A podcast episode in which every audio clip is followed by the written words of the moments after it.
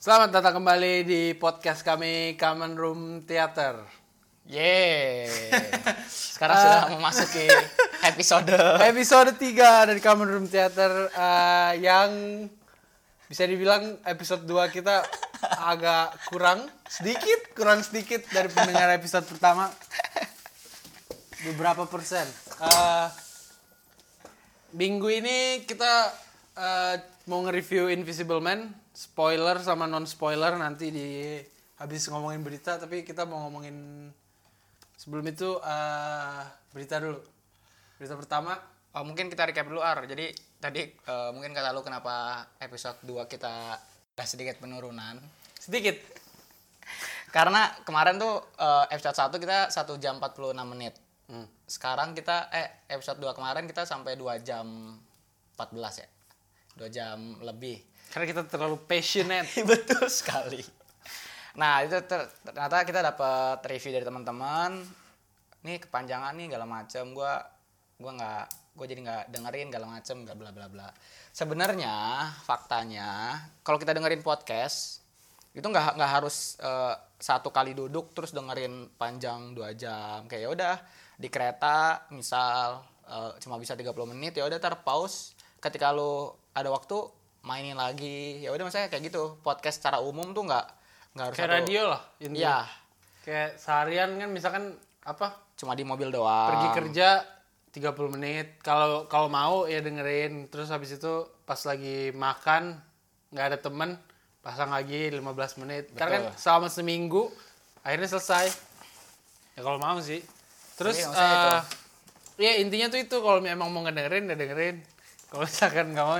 Terus eh, yang episode minggu ini juga bakal dipasangin Timestamp. timestamp di bawah. Jadi kalau misalkan dengerin di tapi kayaknya kalau di Spotify nggak bisa diklik langsung lompat. Jadi kayak di drag sendiri ke menit menit yang udah kita tulis di description di bawah ini. Eh, masuk ke berita pertama berarti itu dulu aja. S- eh, Snake Eyes Oke. udah selesai syuting. Jadi Snake Eyes ini spin spin off dari karakter dari film G.I. Joe. Tapi nyambung atau enggak kita belum tahu. Tapi mereka udah selesai syuting terus castnya itu ada si Henry Golding, Samara Weaving. Si Henry Golding kayaknya jadi Snake Eyes-nya. ya? Iya kayaknya. Terus tadi barusan gue dikasih sama Anang ternyata ada Aktor kebanggaan ada sesuatu kita. yang kebanggaan di film ini. Ada siapa Nang? Ya ternyata di sini eh, ada artis kita itu Iko Uwais dia main juga. Cuman sebenarnya eh, dari castingnya belum belum reveal sih. Jadi apa ya? Mm. Oh kayaknya gue pernah. Dia kayaknya jadi gurunya, gurunya Snake Eyes atau gimana gitu. Yang jadi ahli kungfu setahu gue apa gitu. Iya ya. dan kalau misalkan dari cocok atau enggaknya sih Kawai super cocok jadi master kungfu. Cuman kalau misalkan master nggak tahu deh. Soalnya dia kan kayak muda. muda. gitu. Mungkin bakal dipakein prostetik. Mungkin. Jadi kayak lebih kelihatan lebih tua atau mungkin masternya tuh kayak ancient one yang kayak nggak menua. Jadi kayak Oh, iya. umurnya segitu terus. Eh kalau misalkan lu sendiri sama franchise G.I. Joe tuh gimana? Apakah Jadi ada udah dua film ya? ada dua film, satu Channing Tatum, satunya The Rock yang eh iya gak sih? Yang satu gue suka. Yang pertama, yang, pertama. menyerang menara Eiffel. ya? Soalnya itu yang pakai virus kan? Bukan Iya. virus sih, kayak Ya robot cairan- nanotech. Ya, nanotech yang Nanotech kan waktu zaman 2009 2010 kan semua musuh nanotech. Nah itu menurut gua ya karena hal baru sih waktu zaman segitu terus penjahat tapi kayak high tech kayak menurut gua tuh ya kayak eh, apa? Oh ini eh oh Seven atau Mission Impossible cuman ini dari sisi penjahatnya lah. Menurut Ya, gua terus- kayak gitu sih. Terus kalau misalkan lu bandingin sama Mission, Impossible- Mission Impossible tuh ini tuh kayak lebih kayak Transformer gabung sama Mission Impossible. Ya. Jadi realism soal spy-nya Mission Impossible digabungin sama tech-technya Transformer gitu jadinya ya emang kayak gitu sih ide mainannya dari kan ya ini dari toy line gitu sama kayak Transformer makanya mereka emang kayak karakternya semuanya berototnya kayak berlebihan terus kayak baju-bajunya yang pakai scuba scuba kayak gitu kan. Emang zaman dulu kan mainan semuanya kayak gitu. Kayak Batman aja punya baju buat nyelam. Padahal Batman buat apa? Baju nyelam. Batman punya baju musim dingin Batman punya baju kalau mau masuk ke gunung merapi. Iya, kayak gitu loh mainan-mainan kayak gitu. Terus kayak Terus yang musuhnya yang Cobra itu kan Joseph Iya. Gordon-Levitt. Shout out. Waktu sebelum dia terkenal karena Don John. Eh, terus yang film keduanya sih menurut gua kayak menur nggak menurun sih maksudnya sama aja standarnya cuman kayak gue lebih nggak tertarik karena pas mereka keluar tuh kalau nggak salah itu udah ada udah ada Avengers udah ada Iron Man jadi kayak udah pokoknya udah lebih banyak pilihan lebih bagus daripada waktu yang film pertama keluar tuh. Jadi kayak gue nggak terlalu suka yang film kedua emang kedua menurut gua agak down sih nggak. Tapi si Snake Eyes ini emang karakter fav kayak kebanyakan orang pasti dia yang karakter paling menarik karena dia pertama dia pakai topeng kayak Power Rangers gitu terus warnanya semua hitam terus dia ninja. Ninja tapi high teknologi Iya, ninjanya yang kayak matanya kayak bisa dia punya Sharingan tapi Sharingannya Sharingan teknologi yang kayak ngezoom ngezoom ngezoom gitu. Jadi ya semoga aja sih bagus. Dari aktor-aktornya sih sutradaranya sih gue nggak tahu apa bagus atau enggak tapi dari aktor-aktornya dari Henry Golding sama Ray Weaving terus plus ada Iko Uwais jadinya. Nah ini sih eh, menurut gua mungkin titik berat di sutradaranya siapa sih? Lu tadi sini eh menurut gue sih ini apa ya inter interrasial gitu sih ar. Untuk Jaijo yang ketiga ini ya. Jadi kayak Nggak, ini bukan Jojo yang ketiga. eh, prequel. Snake Eyes doang, iya. oh ya ya spin offnya G.I. Joe ini menurut gue sih kayak bakal ya udah cuman rame di pemain Gue barusan search sutradaranya terus kayaknya pertanda buruk. Ini film-filmnya RIPD lu nonton gak? Oh, yang iya, Ryan. Reynolds. iya iya Terus Insurgent. Terus The Divergent series yang film yang terakhir. Terus ada satu Flight Plan yang gue suka. Itu tau Flight Plan gak? Yang Jodie Foster. aduh gue lupa Yang anaknya hilang di atas pesawat. Sering banget di bioskop Trans TV. Eh, iya dari sutradara ini sih jadinya kayak eh, Tapi emang agak ya, sutradara action sih apa? Sut- sutradara action kan berarti Iya iya sih. Cuman actionnya gitu. Jadi eh ya itu sih dari Snake Eyes. Gue kayak biasa aja. Kayak tunggu trailer dulu lah. Tunggu trailer baru mungkin kita bisa ngeliat sutradara ini. gimana. RIPD itu yang ini kan penjahatnya alien kan Hmm, yang si Ryan Reynolds iya sama siapa namanya? yang orang tua itu Jeff Bridges. Uh, next, next, next, next news.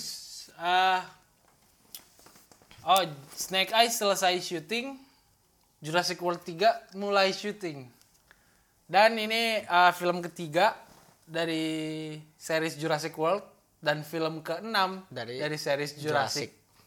Aja Iya. Eh, Iya ini Chris Pratt balik, Bryce Dallas Howard balik. Mereka kemarin kayak udah ngepost waktu start productionnya.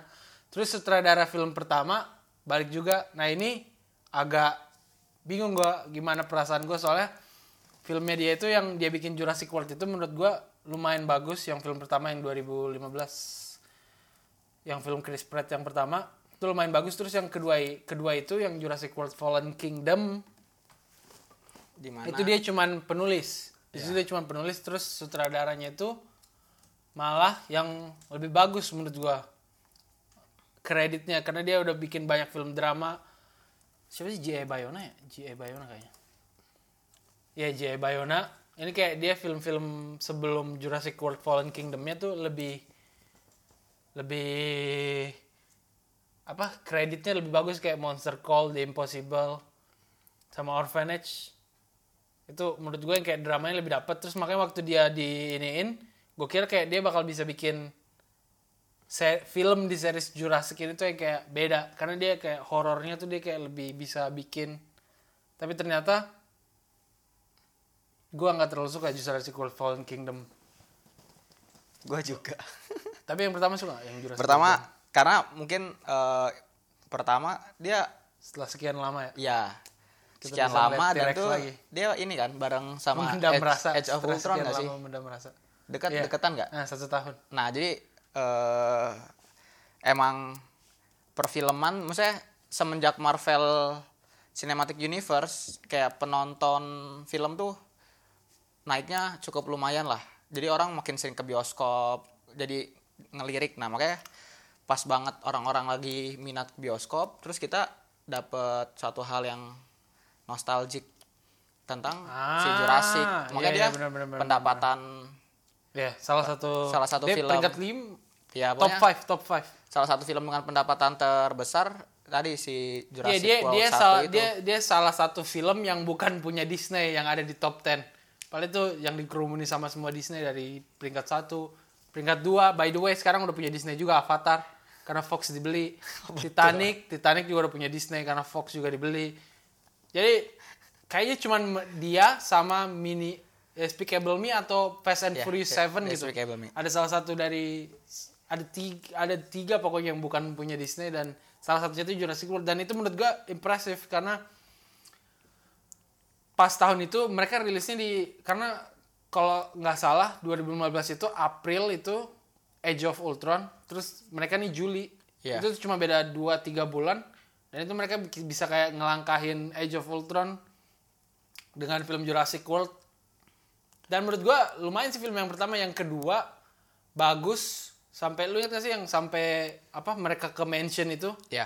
Nah itu menurut gua dimensionnya itu menarik. Kayak mau di apa mau dikecilin skalanya mau lebih personal. Tapi menurut Ruang gua lingkupnya. uh, spoiler buat Jurassic World Fallen Kingdom yang belum nonton itu twistnya itu si anak kecil itu ternyata klon dari ibunya. Ya kan? Klon anaknya klon anaknya yang punya pulaunya. Dan itu menurut gua kayak what the f- Jadi kan ya misalnya salah satu hal yang direstrik eh misalnya kan si Jurassic World ini ada karena tadi kan teknologi cloning ke si dinosaurus. Dan tuh diperdebatkan bla bla bla gimana kalau kalian ke manusia dan ternyata di yang kedua ini sudah terjadi si si orang kayanya ini ngekloning. Hmm, padahal itu yang dia sama pemilik Jurassic Park yang dulu yang rambut putih itu semua Iya. orang pasti tahu yang brewoknya putih rambutnya putih. Pokoknya kayak Itu udah Colonel Sanders.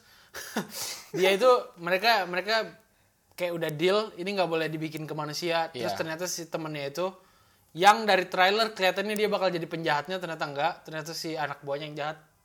Terus yang paling gak masuk yang paling gak masuk akal gue inget banget di film itu dinosaurus dijual harganya cuman 20 juta miliar dolar. Itu box office-nya Sonic kemarin. Terus itu lu bisa beli dinosaurus stegosaurus. bisa, bisa beli tiga dan seminggu. terus kenapa kenapa lu mau beli dinosaurus? Di film itu kayak dijelasin kalau misalkan oh lihat nih oh stegosaurus dia kayak tank. Dia kayak tank tapi nggak perlu bahan bakar. Iya dia nggak perlu bahan bakar tapi dia perlu buang air besar. Lu nggak lu nggak bisa ngontrol dia terus tank apanya?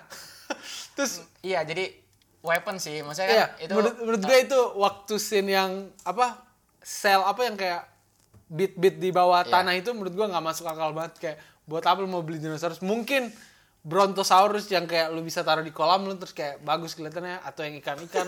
Tapi maksudnya kayak kalau misalkan lu mau beli yang kayak T-Rex T-Rex yang kayak predator kayak gitu lu mau ngapain itu sih maksudnya salah satu premisnya dia gimana kalau kita punya senjata tapi yang oh yang bisa itu kan. apa biological weapon maksudnya gitu itu, coba kalau misal kita ngelawanin eh, dinosaurus versus rudal jangkauannya beda pak terus yang paling kocak lu inget gak sih yang dinosaurus yang dibikin itu yang warna hitam yang Indosaurus Indosaurus Rex, Indominus apa Indo ya itu Indo- pokoknya yang itu. ya itu.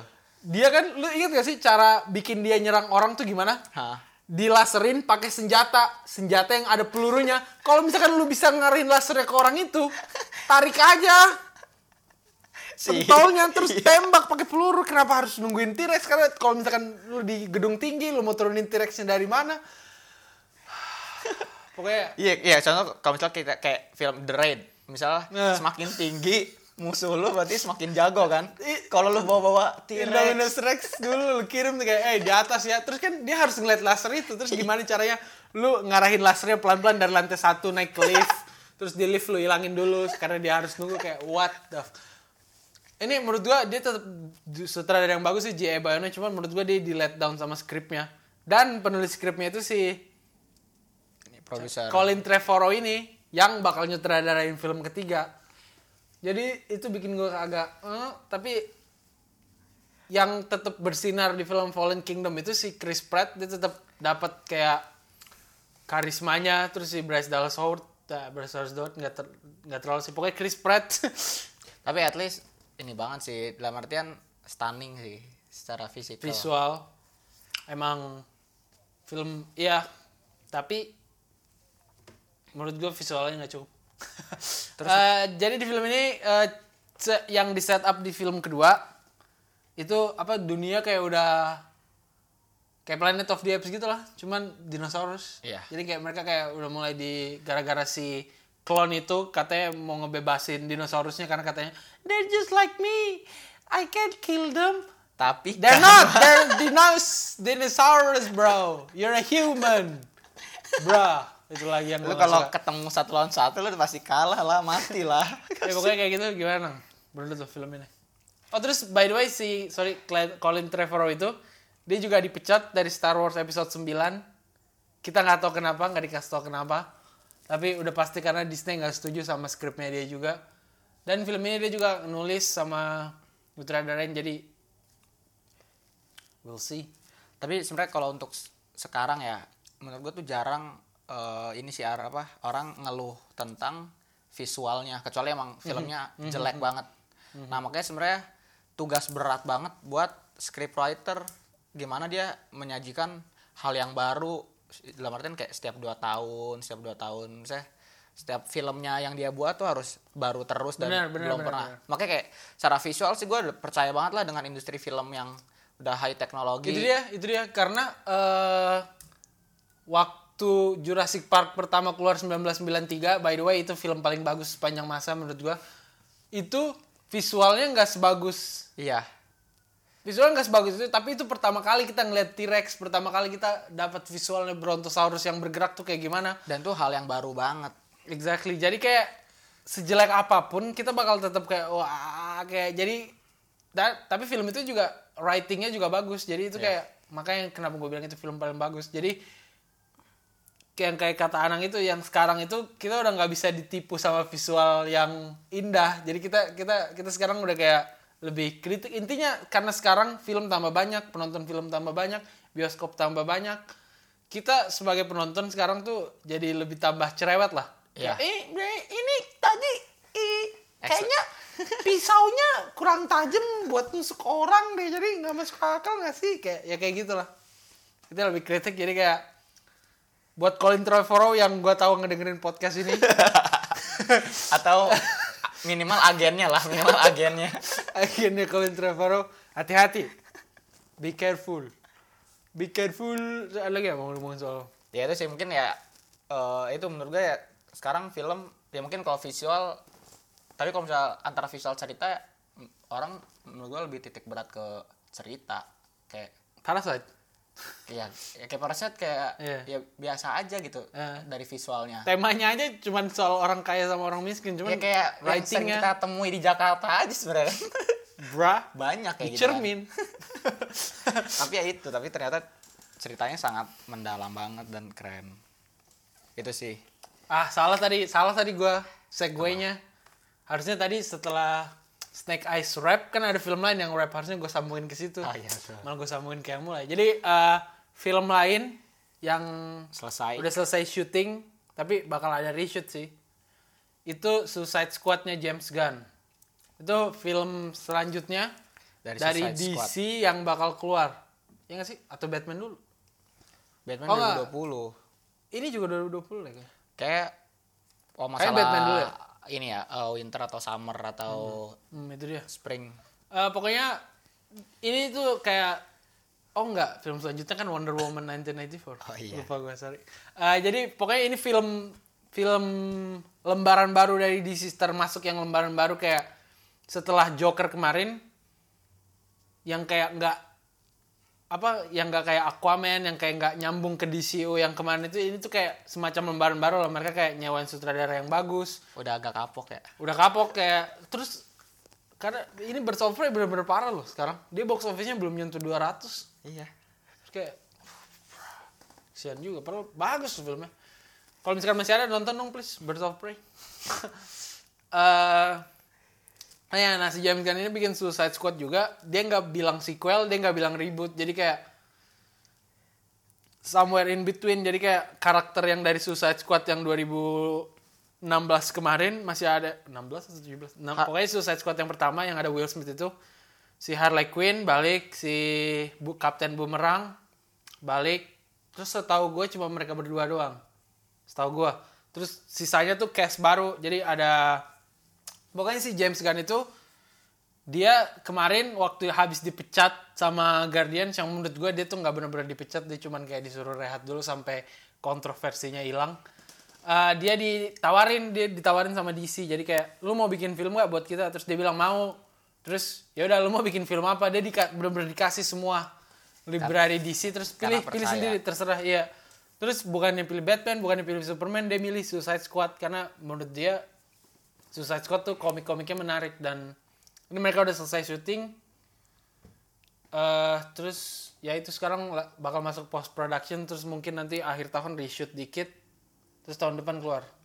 Itu sih sebenarnya gue cukup optimis sih dengan si eh, apa Suicide Squad. Karena itu yang kemarin episode lalu ya gue bilang susahnya itu adalah nyatuin karakter banyak dalam satu film. Tapi kan si James Gunn dalam artian udah udah berhasil udah banget ya. ngelakuin itu dua kali. Di ya di GOTG 1 dan 2 yang benar-benar menurut gue udah keren banget. Dan tuh si Suicide Squad juga permasalahan utamanya di situ sama eh, kayak yep. banyak karakter. Kayak ke mana aja ada 6 ya? 6 banyak karakter. terus semua karakternya itu sama. Semua tuh masalahnya sama semua skillnya sama. Dan kita nggak tahu juga penonton nggak nggak pernah belum pernah dikenalin di TV eh di TV di kita screen. ya cuma orang yang orang-orang yang baca komik doang. Kayak gitu. Cuman harus sih dan eh ya menurut gua dengan adanya tokoh yang nyangkut dua ini si Bumerang sama Harley Quinn harusnya jadi poin plus sih karena orang udah tahu eh background story-nya kayak gimana. Hmm, sama karena eh, karakter-karakter ini yang yang di Suicide Squad-nya dia tuh belum diumumin secara ofisial. Ya. tapi itu tuh dari yang orang apa spekulasiin dari set foto set foto atau aktornya mirip siapa mirip siapa itu tuh bener-bener James Gunn tuh ngambil dari yang kayak tong sampah tong sampahnya DC gitu kayak Polka Dot Man, King Shark yang kayak bukan karakter-karakter gede yang lu tahu bukan yang kayak karakter B yang kayak siapa ya karakter B? Yang kayak Two Face kayak gitu, Penguin yang kayak pokoknya nggak ada yang jarang yang mau pasti jarang orang yang tahu dan itu tuh sama kejadiannya kayak waktu Guardians of Galaxy. Dan ini yang bikin yang bikin gua apa lebih percaya diri lagi ke James Gunn karena dia benar-benar dikasih semua DC kayak silahkan mau pilih apa? Dan dia milih ini. Berarti itu dia benar-benar dia udah tahu. Iya dia benar-benar punya ide dia benar-benar percaya diri sama karakter-karakter ini. Sama kayak Guardians of Galaxy. Guardians of Galaxy dia nggak dikasih semua sih. Lu mau apa? Mau Captain America? Mau Iron Man? Nggak. Dia kayak disuruh pilih beberapa gitu. Dari mungkin Eternals Guardians of Galaxy terus dia milih Guardians of Galaxy. Dan James kan sih sebagai penulis kayak dia yang bagusnya itu sama kayak yang Bong Joon Ho bilang kemarin itu yang the more personal the better. Itu dan dia tuh selalu nulis dia selalu bilang kalau misalkan skripnya itu dia tulis sendiri. Terus dia juga mau ngadaptasi sebisa mungkin dia bakal mau ngadaptasi semua sk- skripnya karena itu menurut dia personal dan dia mau ngeliat sampai akhir gimana. Skripnya itu dari proses penulisan sampai sampai kita tonton di bioskop. Jadi ya excited gue buat film ini. Dan udah selesai juga kan rap. Ya paling ya adalah kayak reshoot. Reshoot. Dikit. Pasti sih Akhir-akhir kayak film-film Iya, iya. budget-budget gede pasti kayak gitu. Iya dan dan kalau misalkan nanti ada reshoot itu bukan berarti tanda buruk. Kalau misalkan eh ah, reshoot ah, pasti banyak yang kurang yang enggak itu ya sekarang udah kewajiban buat film-film yang kayak gitu mereka udah nyedia mereka udah nyediain di kontrak aktor aktrisnya buat kalau misalkan ada reshoot mungkin satu dua bulan itu udah kewajiban. Karena kan kalau misalkan lu lagi ngedit lu kayak baru ngerasa kayak ih ini kayak kurang rambutnya kurang goyang ke kanan jadi itu harus di reshoot Iya, reshoot reshoot tuh yang kayak gitu yang kayak menurut lu Iya. nggak penting tapi atau mungkin kayak tadi ada eh, momen yang sedih tapi setelah dilihat lagi kok kita Iya. nggak nangis ya nah kayak gitu setelah diedit, setelah diedit sesuai konteks kayak "Ih, ini kurang pas nih, kayak harus lebih nunduk kayak gitu. karena ya eh, pada kenyataannya banyak banget artis lagi syuting tuh dia nggak tahu dia tuh konteksnya kayak gimana Hmm. bahkan kayak contoh banyak banget film-film MCU itu kan eh, skripnya rahasia banget jadi dia dia cuma tahu conversation dia doang Hmm. dia benar-benar nggak tahu the whole story-nya tentang apa Tom Holland malah syuting dia syuting sendiri katanya yang scene apa di Infinity War itu yang berantem lawan Thanos itu. Katanya dia nggak ngelihat Thanos dia nggak ngelihat Thanos sama sekali terus di skripnya dia juga nggak ada. Itu dia. Ya itu makanya jadi mungkin ya sangat mungkin ketika pas proses editing kok kayak kayak dirasa kurang pas kayak gitu. Makanya menurut gue ya udah. Bukan hal yang buruk kok reshooting kecuali Reshoot. Sonic kemarin itu juga bukan reshoot. Bukan reshoot sih itu benar-benar dibikin dari bawah lagi. Redesign. Dan pretty good job. Tapi itu jadi good job. laku kok filmnya. Hmm, dan delaynya juga nggak lama-lama banget cuman enam lima bulan. Enam iya dari tadinya dari November. akhir tahun ke awal tahun kan? November jadi iya. Good job tim Sonic. Meskipun filmnya menurut gue biasa aja. Sony Entertainment.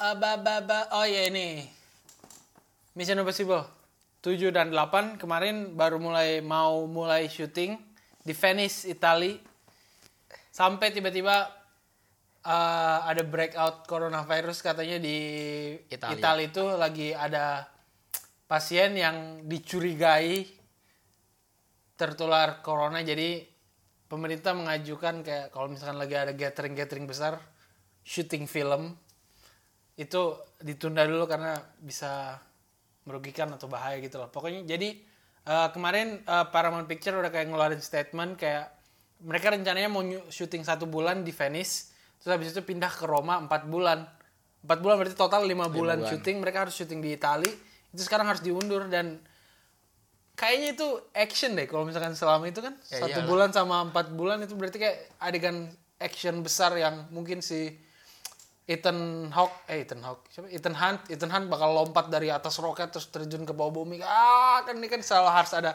satu scene ekstrim gitu di atau setiap mereka Impossible. sampai narapisa lurus lagi. Yes. Yes please. Jadi kayak mulai sejak saat itu di canonnya Mission Impossible menara Pisa tuh udah lurus. Bruh imagine. Ya, jadi mereka harus kayak shot production karena virus corona itu jadi tapi itu sih sulitnya action tuh emang eh, syutingnya tuh lama banget gitu ar kayak bahkan kayak kita suka ngelihat scene-scene yang di pasar yang cuman ngancur-ngancurin buah tukang buah tukang sayur tuh gak sih? Itu itu takingnya kan dia ngabisin berapa kilogram sayur mayur anjir. Kayak setiap hari salah ulang lagi ledakin mobil lagi. Gue setiap hari malah setiap jam. Iya setelah makanya selesai syuting. Oke clean up clean up clean up. Terus harus diberdiriin lagi standnya. Jeruknya ditambahin lagi terus kayak ulang lagi. It- makanya sebenarnya eh sebenarnya pun kalau misal gue jadi penulis atau gue jadi director gue nggak mau action movie sih karena Nah, tapi kalau misalkan yang kayak gitu biasanya udah ada pasti kru lu yang kayak kan apalagi kalau misalkan Marvel.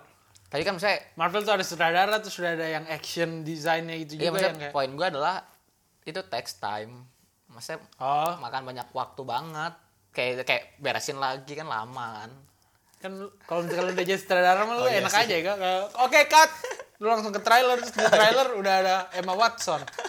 Bruh. udah ada Itu sorcerer gimana sendiri menurut lu coronavirus ini nggak boleh bercandain lu nah. Serius. ya kan gue nggak mau bercandain Kita serius. nah itu sih eh sekarang tuh lagi peak-peaknya banget Hmm. Mungkin nggak sekarang mungkin besok juga masih peak ya. Tapi maksudnya dalam arti Mungkin besok masih bakal naik kita kita. tapi maksudnya secara grafik sampai sekarang sampai saat ini naik terus. Bahkan kayak makin banyak lagi negara-negara yang Iya. jadi bukannya berkurang tapi malah kayak baru kemarin ya Armenia kena lagi kayak bahkan wakil presiden Iran kena. Oh iya, eh, iya. perdana yang wakil- cewek itu ya? iya Iya wakil iya, iya perdana gue juga menteri apa wakil kemarin presiden denger. ya, lagi gitu lah. makan keluarga gue lagi pada gosip terus gue. "Hah? ya maksudnya makan. sampai ya itu kayak tokoh politik aja udah kena itu sebenarnya ya siapa pun bisa kena sih Ya, jadi salam dari kita ya hati-hati aja. Makan yang sehat, istirahat yang cukup, cuci tangan cuci tangan yang bersih sebelum sesudah melakukan apa pun. Hmm. ya itu sih ke, eh, kemarin juga kalau menurut gue sih kayak mm, yang apa sih Napoli versus Barcelona. ya Mereka main di Napoli kan Naples, Itali. Nah itu juga saran dari pemerintahnya juga suruh stop.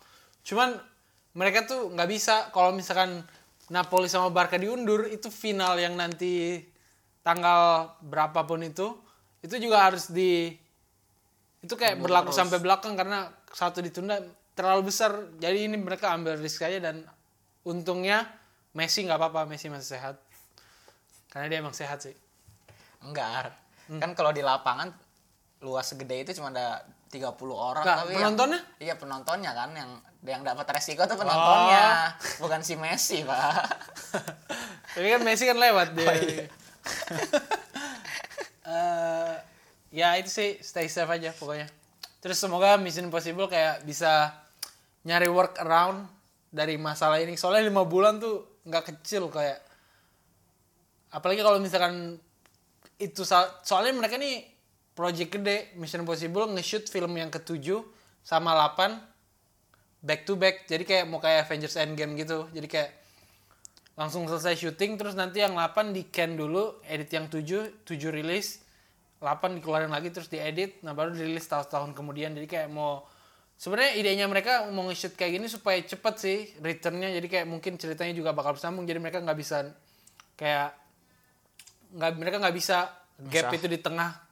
Karena kayak takutnya orang udah kayak lupa sama ceritanya atau kayak udah nggak udah nggak inget lagi atau udah nggak peduli lagi nanti waktu setelah tiga tahun kemudian ceritanya lanjut. Jadi mereka sebenarnya idenya mereka bikin syuting 7 sama 8 ini supaya cepet tapi mereka kena kayak masalah kayak gini. Semoga ya Paramount Picture bisa kayak workaround mungkin syuting di studio atau gimana.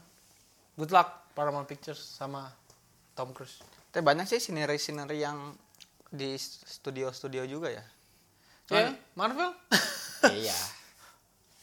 Tapi mungkin itu dia kayak ya udah dia emang misinya dia pengen ngeledakin tempat kali gua. Jadi emang harus real. Ya, mungkin ah, mungkin yang kayak apa chase scene gitu kan emang Iya. bagus kalau misalkan di Itali kan kan gedung-gedungnya mereka lebih kayak Ya, kayak kemarin tuh yang James Bond.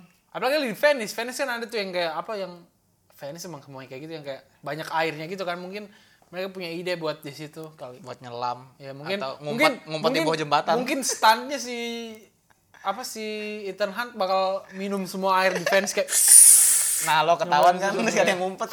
iya terus kayak bra ada yang nyelam.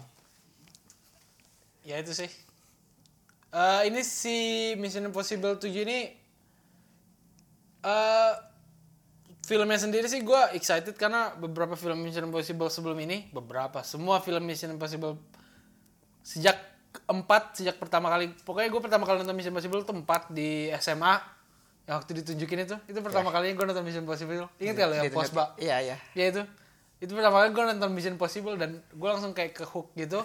4, 5, 6 itu semuanya bagus menurut gue yang Ghost Protocol sama Fallout itu mereka kayak cuman terus menaik menurut gue dan Ya, yang di aula. iya yang di awal di laptop ke kelas kan iya.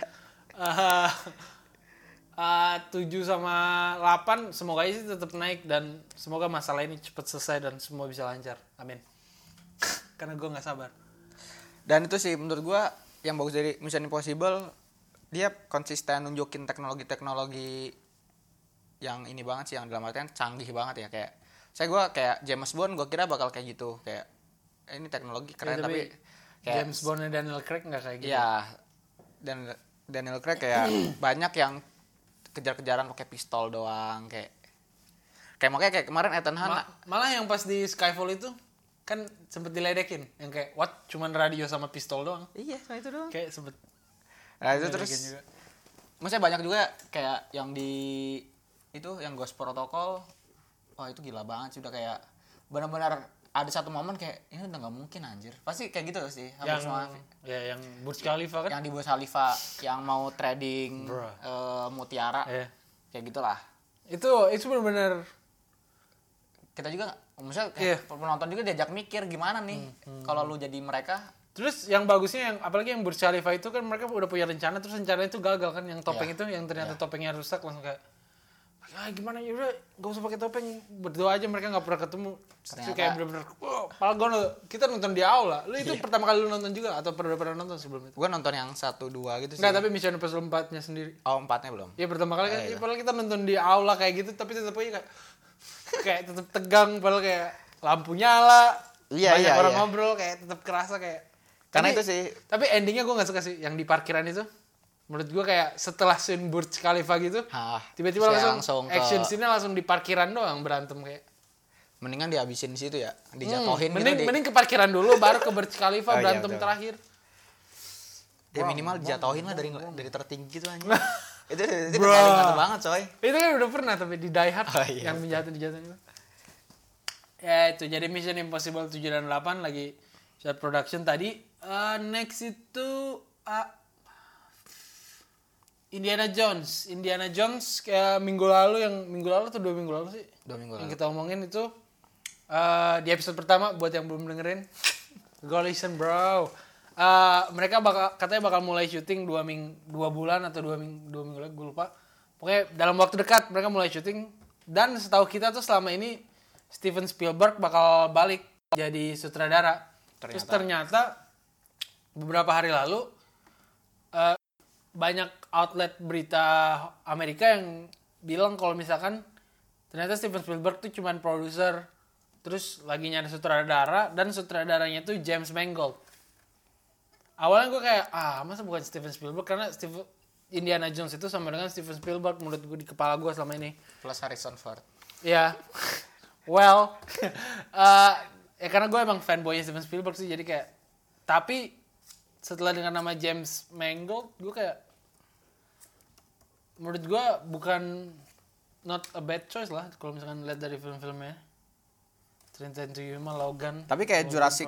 Jurassic World 1 kan pro, dia produser doang kan Steven Spielberg Ya, Star- Jurassic Park atau World? World Oh ya, World producer. nah tapi Malah itu, itu produser lepas banget itu. Itu dia ditempel sih. cuman karena dia yang bikin doang Jurassic Park iya pertama. maksudnya tapi itu berjalan dengan baik menurut gua Hmm. Ya walaupun ya jadi cuman aksesoris jualan doang sih ujung-ujungnya kayak produser Steven Spielberg Iya, tapi kalau misalkan ini menurut gua lebih ini sih kayak karena kayak Harrison Ford juga balik. Jadi terus eh, si Steven Spielberg katanya dia produser yang ini kayak dia lebih yang kayak dekat gitu dia kayak bakal ngawasin skripnya segala macem gitu. Terus menurut gue James Mangold ya dari film-filmnya sih tapi kalau filmnya- misalkan bener akhirnya dapat James Mangold sih ini bakal jadi positif doang menurut gua nggak masalah bukan Steven Spielberg Tapi ya itu kok film-filmnya kayak Logan 2017 kemarin. Menurut gua tuh film yang keren banget. banget Terus Ford Ferrari kemarin dapat Oscar. Dapat Oscar apa? Nominasi. Eh, emang dapat si ini ya dapat aktornya. oh iya siapa emang dapat Christian Bale Iya. Matt eh, Damon Christian Bale nggak dapat man Oh bukan ya. Yang dapat siapa? Buat supporting aktor? Aduh, lupa gua. ya pokoknya itu Bukan ya, bukan dia. ya? bukan bukan dia Oke, gua lupa. iya setahu gue juga Tapi itu maksudnya dapat nominasi Iya, dapat sih, nominasi. Logan sih. terus terus dari iya menurut gua Logan tuh salah satu Oh, yang dapat ya ini siapa Brad Pitt. Oh iya Brad Pitt, Brad Pitt buat Once Upon a Time. Ya dari film-film dia sih kayak eh, dari The Wolverine sebenarnya yang 2013 juga itu yang Wolverine ke Jepang. Itu menurut gua underrated banget itu karena menurut gua bagus sampai ya. di akhir. Yang waktu harus ngelawan samurai robot itu, itu. Menurut gua bagus, tapi secara keuangan enggak lumayan. Maksudnya nggak jelek-jelek banget sih. Iya. nggak bagus-bagus banget juga. Tapi kan itu kan cuman Wolf ya cuman Wolverine. Di Wolverine. Wolverine sama dengan X-Men nggak ada X-Men yang lebih keren daripada Wolverine Eh, ya dari film terakhirnya Ford Ferrari sih positif banget dari yang gue suka banget dari film Ford Ferrari itu editingnya yang waktu scene balapan. Itu bener-bener kerasa kayak kita tuh kayak ah, kayak deg-degan banget setiap mau apa setiap dia ganti gigi terus kayak mau ngegas kayak ah, please, please, please, please, please, please.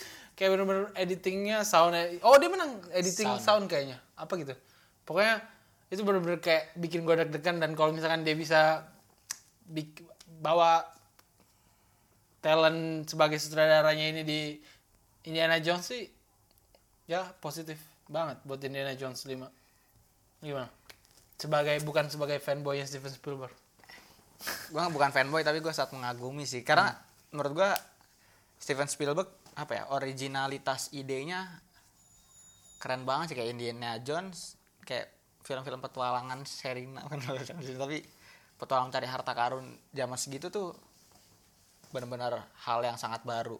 Terus ngebawa dinosaurus di tahun berapa? 1993 90 awal ya? 93 ya itu maksudnya itu sih Steven Spielberg menurut gua le- legend lah ya. Ya tapi by the way lu bilang gitu, gue bilang kayak gini bukan karena gue nggak suka Steven Spielberg, gue suka banget Steven Spielberg. Tapi kalau misalkan lu lihat track recordnya Steven Spielberg belakangan ini, enggak ini. not so impressive.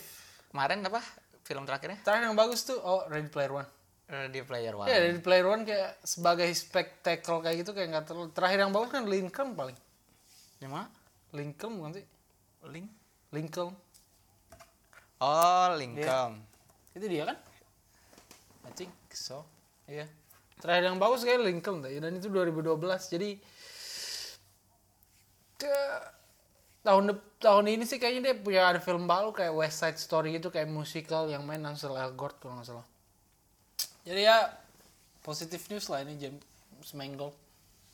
Jadi negatif karena bukan Steven Spielberg tapi positif lagi jadi nol. jadi netral, netral news berarti. terus seenggaknya kita menunggu-nunggu lah ya Ya, gua pasti. tapi nyambung nggak sama yang Indiana Jones 4 Hmm, kan Harrison Ford balik. Nyambung pasti. Kayak mungkin mereka kayak ya itu dia yang kemarin kita bahas yang kayak mungkin dia bakal nge-set up buat si Indiana ngasih. Jones baru, aktor Buat baru. ngasih. Entah nama si aktor barunya itu dia meranin Indiana Jones atau mungkin Indiana Jones nanti meskipun di Indiana Jones 4 dia punya anak sih. Yang main tuh Shia LaBeouf. Oh, Cuman itu karakternya benar-benar annoying dan semua orang tuh benci. Jadi mungkin dia punya anak kedua. mungkin si Atau LaBeouf itu mati ketabrak kereta jadi atau ada anak yang tertukar Ah, iya iya iya anak itu kan. Makanya kayak, I know you're my son. That's obvious, bro. You're not my son. You're annoying little bitch. Ya, jadi mungkin kayak gitu. Kayak mau nge up buat Indiana Jones franchise ke depannya. Eh, next next oh iya ya Bob Iger. Bob Iger, kepala Disney Walt Disney Production Company Studio. Big Giant Mouse. Eh, dia eh, step down. Dia kayak eh, dia bukan jadi head of headnya lagi. Dia kayak sekarang cuma jadi penasehat bu da, sebagai di CEO Disney-nya itu. Terus yang gantiin dia itu namanya Bob Chapek. Nah si Bob Chapek ini setahu gua dia tuh lebih ke orang yang fokus ke theme park. Oke.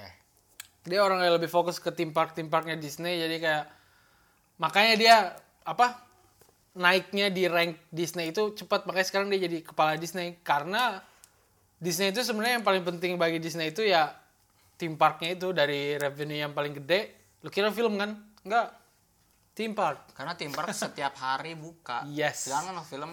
Dan lu bukan beli tiket masuk doang kan? Di dalam juga lu beli makanan lagi beli snack lagi beli merchandise beli bla bla bla beli beli, beli beli merchandise sih. Belum langganan hotel beli hotel dia juga punya hotel di dekat Disneyland bla bla bla bla bla bla. Bla. pokoknya itu dari dia makanya Bob Chapek ini bakal naik jadi CEO Disney. Dan si Bob Iger yang selama ini yang ngebawa Disney sampai sekarang ini udah punya Marvel udah punya Star Wars udah punya Indiana Jones udah beli Fox segala macam dia itu sebenarnya udah mau pensiun tahun lalu 2018 cuman diundur karena ada pembelian Fox itu.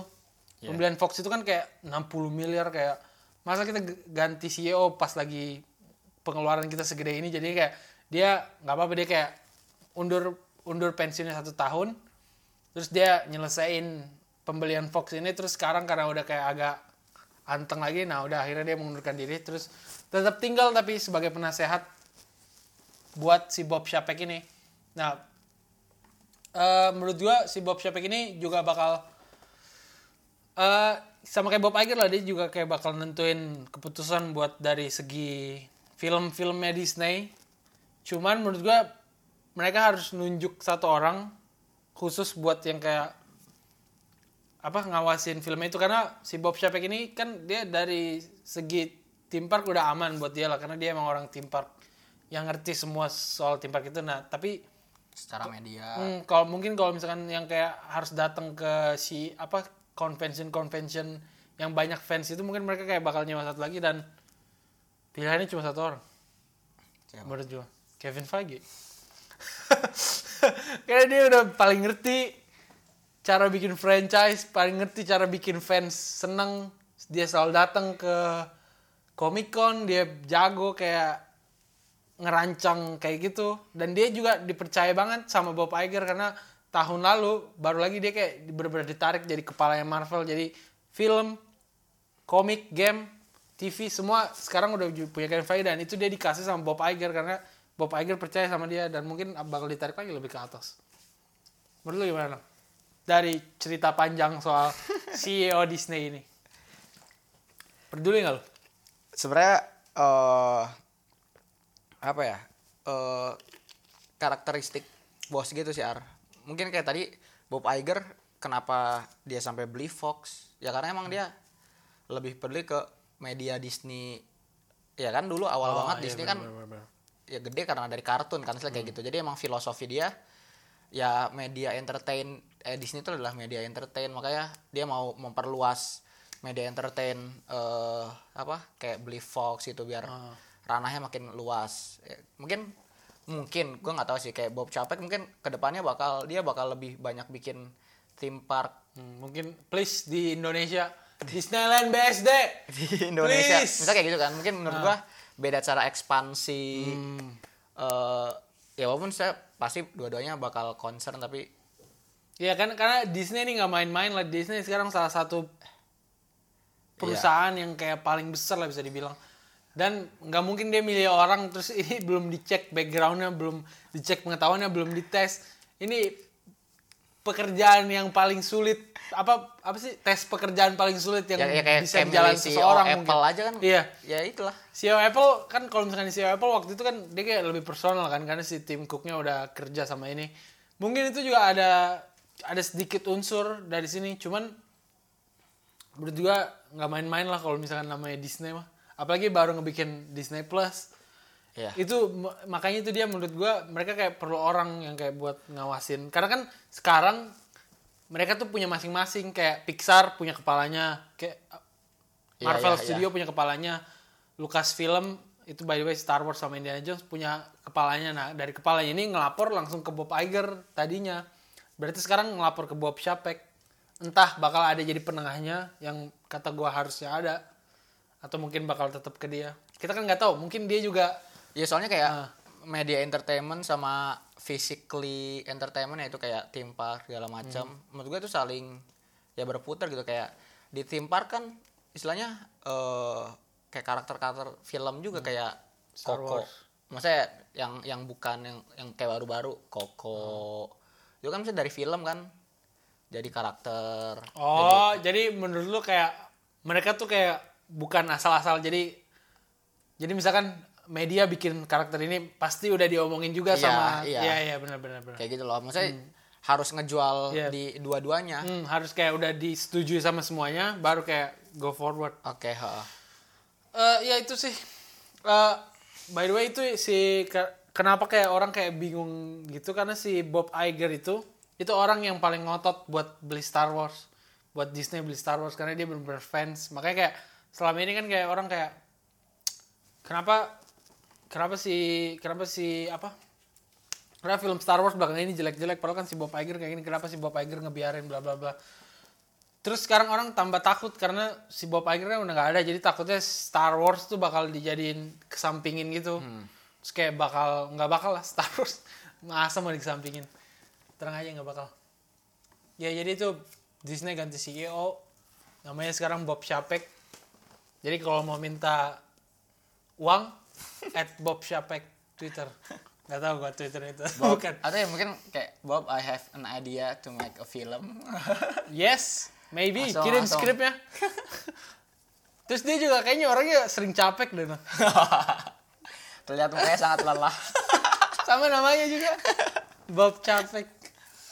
Eh ya itu. Eh, next next. Eh, ngomongin Star Wars, Star Wars. Star Wars kemarin ngumumin project baru yang selama yang udah dua tahun in the making.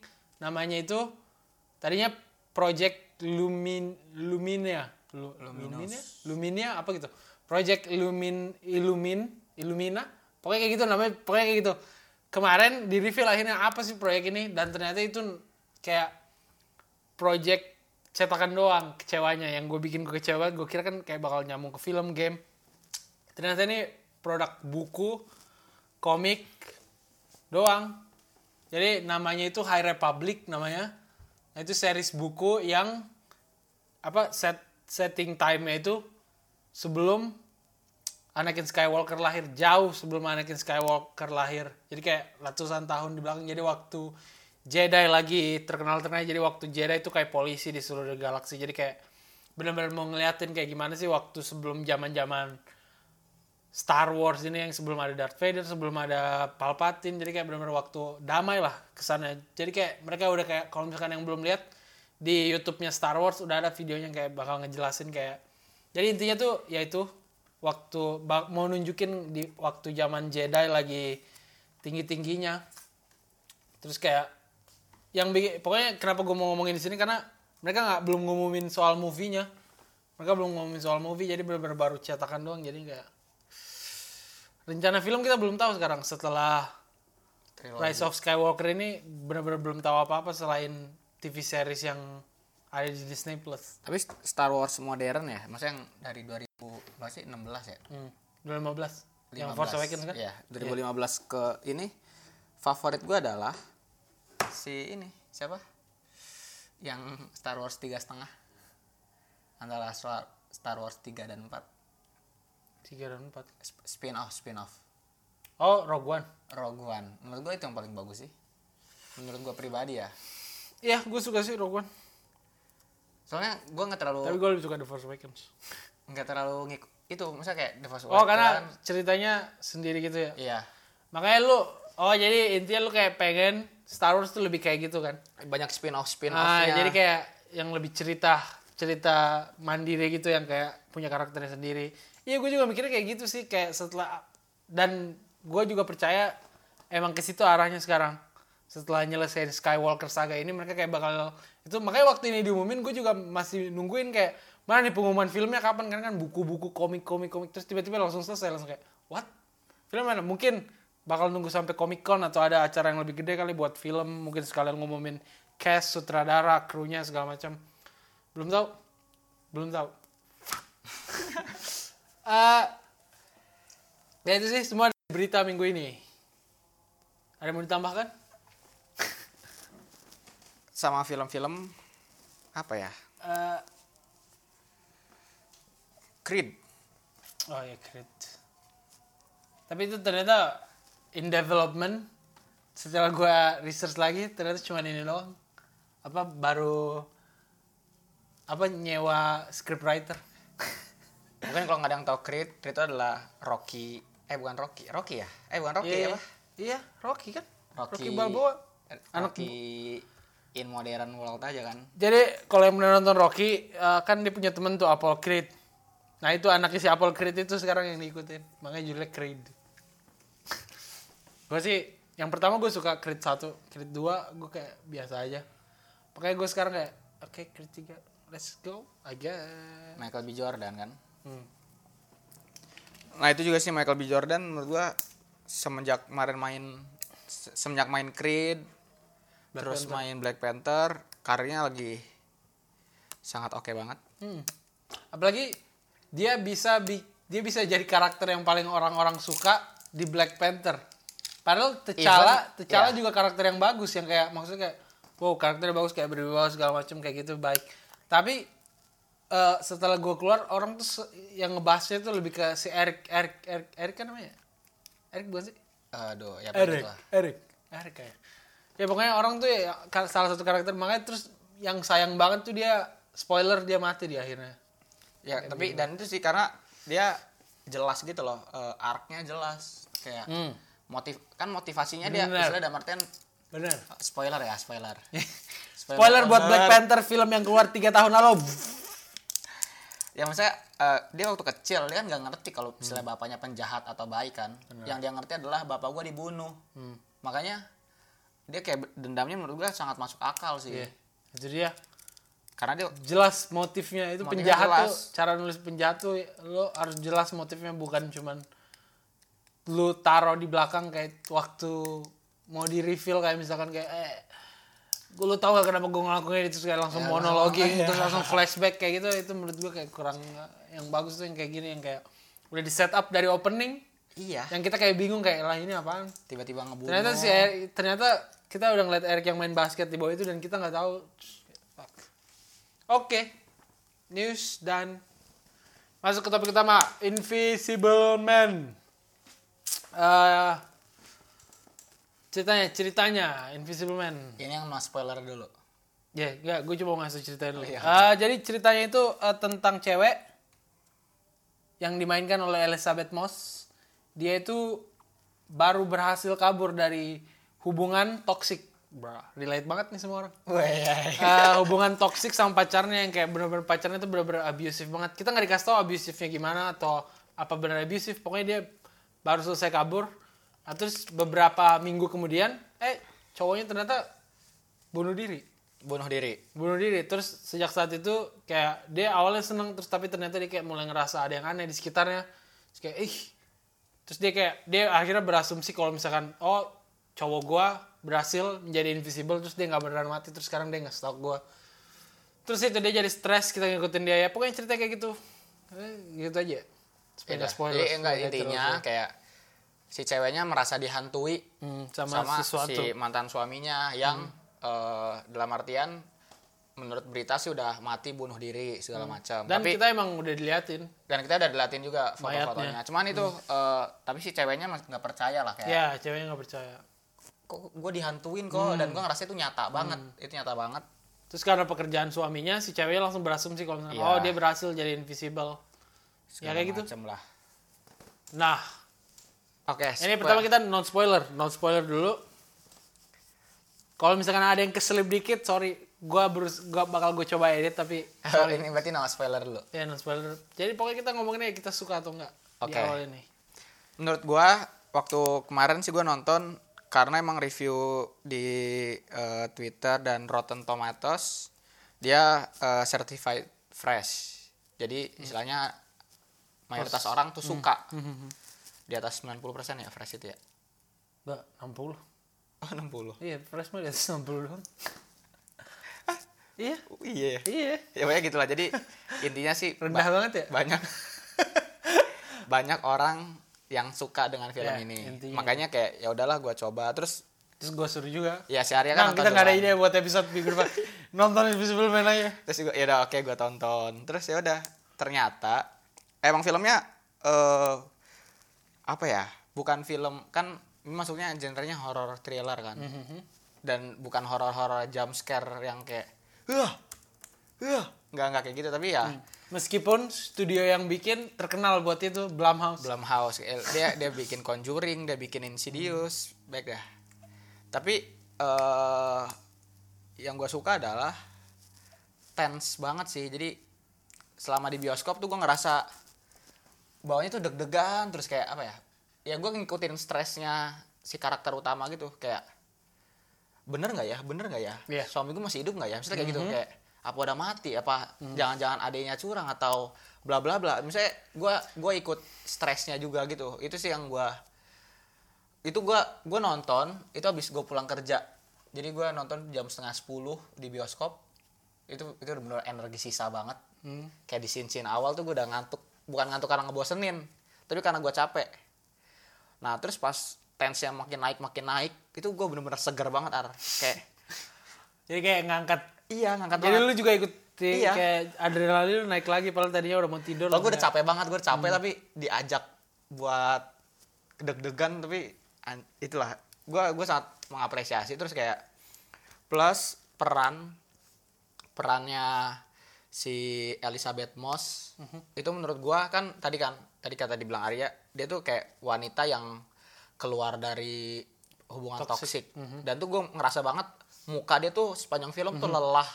Kayak lelah tapi senang tapi lelah Dan gitu. makin lelah sepanjang film kan. Iya. Kita bisa ngeliat kayak bukan cuman kayak dari kantong matanya doang, kayak bener-bener dari rambutnya, dari raut mukanya kayak bener-bener kayak ya Makanya kita bisa setuju kan Elizabeth Moss bener-bener Iya. bagus banget di film ini. gue iya betul betul. Iya, padahal dari segi film horor tuh kadang-kadang Kayak uh, biasanya yang paling penting tuh emang kayak aktornya harus bisa fright-nya dia. Karena kalau misalkan dianya aja favorite-nya kayak itu kadang-kadang malah jadi ridiculous gitu loh. Kita jadi ngakak bukan masa lu kaget gitu doang kayak masa lu kayak gini.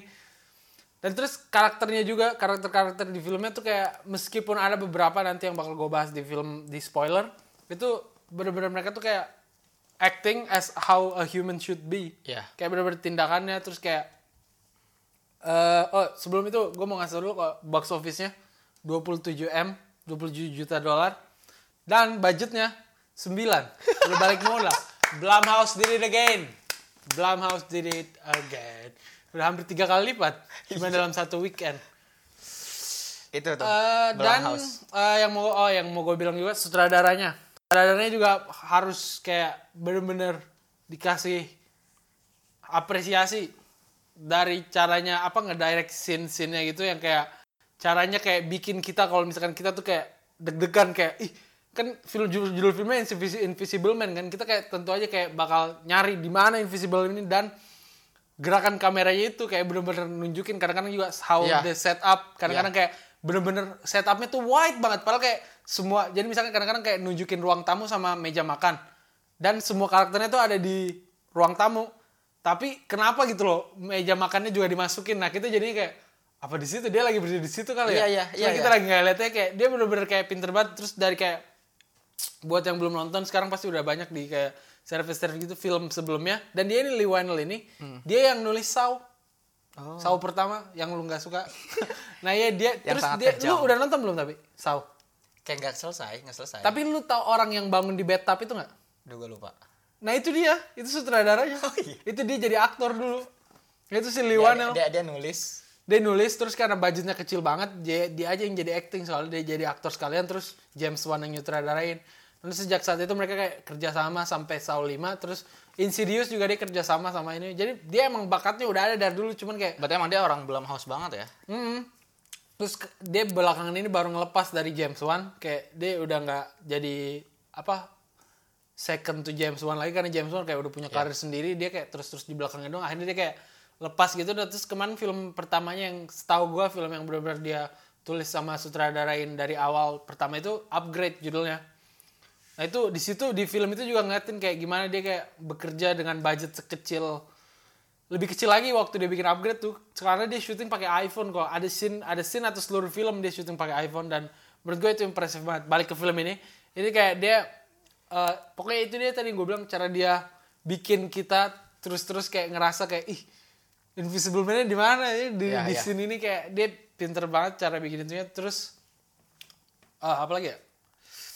Tapi setelah setelah gue inget-inget ya Ar, eh, emang kayak tadi bener kata lu si sinematografinya tuh Hmm. banyak banget perpindahan tempat yang eh kecepatannya kecepatan orang jalan. ah, ah, tapi karakternya ketinggalan kan? Dia jadi kayak yang kita kira diikutin ternyata kayak lah ini kemarin kenapa tinggalin ke sini? kita ngikutin hal lain. Hmm. Terus jadi kayak, tuh jadi apa ya? terus kayak kadang-kadang emang kelihatannya kayak aneh gitu tapi setelah kalau lu tahu konteksnya film Invisible by the way Invisible Man-nya tuh ada bukan ini bukan spoiler karena judulnya Invisible Man. Invisible Man-nya tuh ada jadi pokoknya kayak apa cara kita nunjukin kayak pelan-pelan? Yang awalnya juga dia sempat percaya kan waktu dia bilang kayak enggak enggak itu cuman ilusi lu doang nggak ada Invisible Man itu. Kita juga sempet kayak kayak dia dianya sendiri si Elizabeth Moss-nya. Siapa sih nama karakternya? Elizabeth Moss-nya itu kayak sempet juga kayak kayak percaya gitu kan kayak ah apa emang? Cuman karena gue paranoid doang. Iya iya. Terus kayak dia emang sebenarnya sebelum meninggal juga dia tuh kan kayak yang nggak berani benar-benar takut sama dunia luar karena benar-benar si cowoknya ini tuh kayak benar-benar dari dulu tuh kayak benar-benar over overbearing gitu kayak selalu kayak tahu apa yang dia pikirkan. Kesannya kayak gitu lah. Tahu lah kalau misalkan udah pernah toxic relationship pasti relate ke cewek ini. Terus gimana nang? Apa penutupan buat non spoiler ini? Eh, itu Menurut sih. lu nonton udah pasti lah. Ya. nonton kalau misalkan bisa nonton kan? Nonton nonton. Karena maksudnya ya bu- bukan spoiler tapi yang yang gua dapetin adalah si tense-nya itu sih kayak adrenalin gua benar-benar Iya. Dan terpacu banget dan yang tadi kita bicarain mereka nggak bergantung ke jump scare. iya Itu dia. mereka iya itu eh, lu tuh capek nonton ini Iya. tuh capek karena deg-degan doang bukan Ah. kayak hah Ya karena kan kadang-kadang udah tau lah yang kayak tipe-tipe paranormal aktif itu yang kayak tiba-tiba musiknya hilang terus langsung kayak iya terus kayak cuma ada suara kayak ih ih langsung tiba-tiba langsung kayak Kayak lah, film-film lempar, terus kan ya jump padahal suaranya dari mana coba suaranya nggak jelas Iya, dari mana iya. padahal kameranya cuma muter doang terus tiba-tiba ada suara piano gede terus kayak suara petir kayak ah, kayak kayak, kayak cuman ngagetin doang. ada sih jump scare di film ini Tapi ada dikit. cuman kayak nggak minimal lah minimal nggak bergantung ke jump scare itu buat jadi serem mereka kayak bisa bikin seremnya sendiri dari apa adegan dari gerakan kamera dari bahkan itu jump scare-nya lighting iya menurut gua kayak hal-hal yang masuk akal kayak misalnya biasanya kan kalau eh, film-film Ah. ya kayak Annabelle itu kan kayak musiknya kan tiba-tiba skornya reng At- at- Kayak gitu kan. Iya dan sebelum itu bener-bener mati semua, nggak ada suara jangkrik, nggak ada suara langkah kaki, bener-bener kayak. Jadi lu udah tahu, udah datang, tapi ya belakangan ini kan kayak sering juga yang kayak setelah jam scare itu kayak nggak ada dulu kayak cuman Iya, orang iya. ternyata palsu, eh, terus di nengok lagi baru ada. Jadi kayak double jump scare, jadi kayak fuck you. Kalau ini tuh kayak ya udah Iya, kayak film ini suara jatuh aja menurut gua udah bikin hah Kayak Ya, lumayan lah eh ya dari kita berdua eh, rating rating kita di podcast ini ngikutin podcast favorit gue ya, The Weekly Planet. Itu cuma ada rating best movie ever atau worst movie ever. Oke. Jadi lu timbang semuanya dari bagus atau jeleknya. Kalau misalkan ada satu satu satu kilogram ah, satu miligram pun yang lebih berat jelek, berarti langsung lu kasih worst movie ever. Kalau misalkan ini dari gue best movie ever, definitely go see kalau bisa kan bisa. Dukung film-film bagus kayak gini. Sama Birds of Prey sih juga. Kalau kan belum nonton ajak cewek ajak cewek ajak cowok ajak temen semua ajak nonton film ini supaya kayak makin baik makin film-film yang kayak gini makin didukung supaya kita nunjukin kalau misalkan kita sukanya film yang kayak gini bukan yang kayak horor-horor Iya. murahan karena kebanyakan biasanya tapi ini juga box office-nya udah bagus jadi kayak udah positif gimana best atau worst Kalau gue best movie ever dan menurut gue ini range-nya gede sih. Maksudnya dalam artian eh, apa?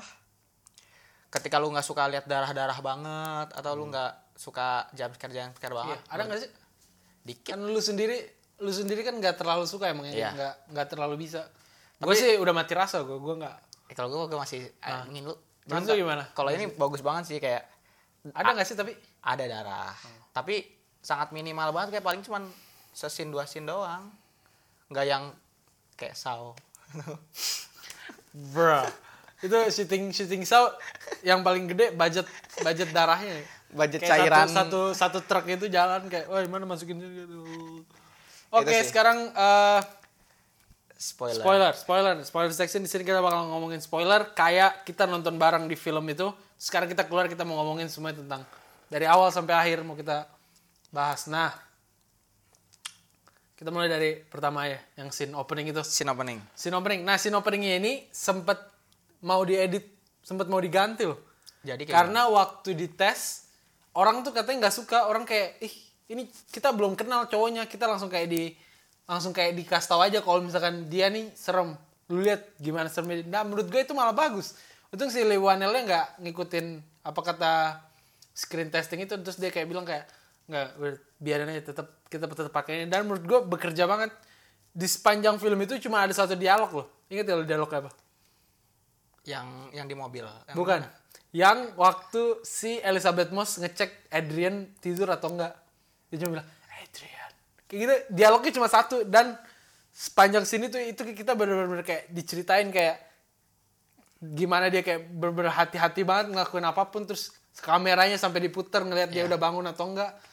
Terus ngelihat apa betapa siapnya dia udah naruh tas di dalam situ kayak bener-bener kayak intens banget sih dari dia setiap dia nyiram air kan ada kayak suara itu itu gue kayak ih bangun nanti banget kayak gue kayak bener-bener tense banget sini tuh pokoknya Tapi ujung-ujungnya ada anjing yang anjing iya, banget. iya si anjing. Si ada, ada si anjing. itu itu waktu itu gue kaget. Itu itu salah satu jam scare tuh Iya, waktu itu- dia itu- ngebukain itu- terus itu anjingnya anjingnya nendang kan. Anjingnya nendang mobilnya. Awalnya kan dia jadi kan itu dia kasihan juga kan sama anjingnya kayak udah di bor bukan borgol sih tapi kayak yang listrik gitu itu ya? iya dikasih ah. ini listrik. Maksudnya dia kasihan. Hmm.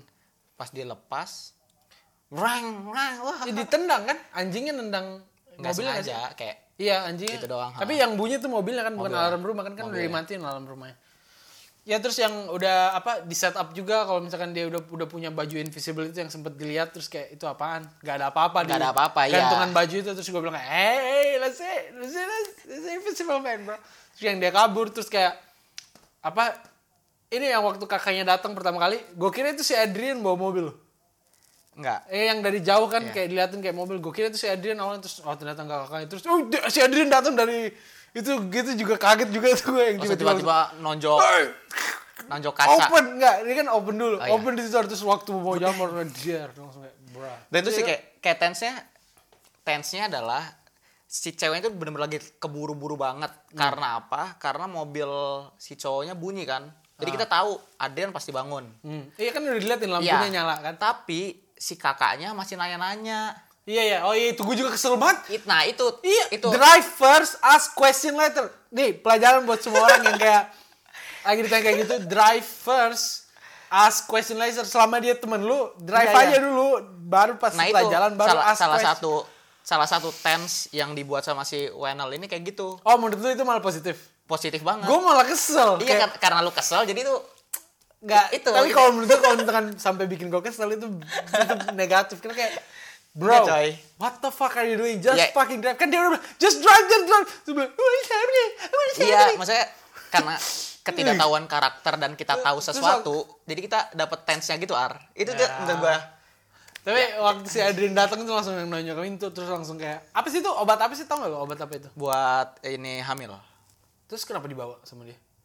Ya kan dia tak ya mungkin baru beberapa hari kali dia habis berhubungan sama suaminya jadi dia ma- maksudnya itu tuh rutin dipakainya tuh rutin gak sekali dua kali Ah.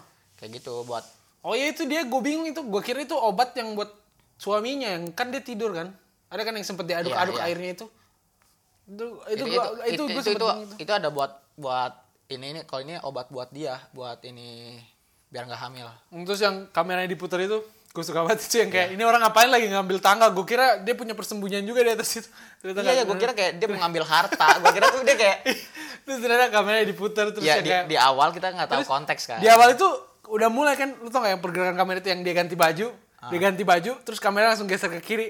Terus ada yang patung ditutupin kain itu, gue kira Iya. itu udah kayak si Adrian kan, ternyata enggak, oh balik lagi ke dia terus udah pakai baju terus langsung kayak. tapi Saya terus, itu patung gila tuh iya, terus setelah apa? Oh iya, itu kan ada, itu kan yang waktu dia balik juga ada itu Nah, kan. iya masih ada Eh, terus oke berarti setelah itu dua minggu kemudian apalagi yang lu suka dari film?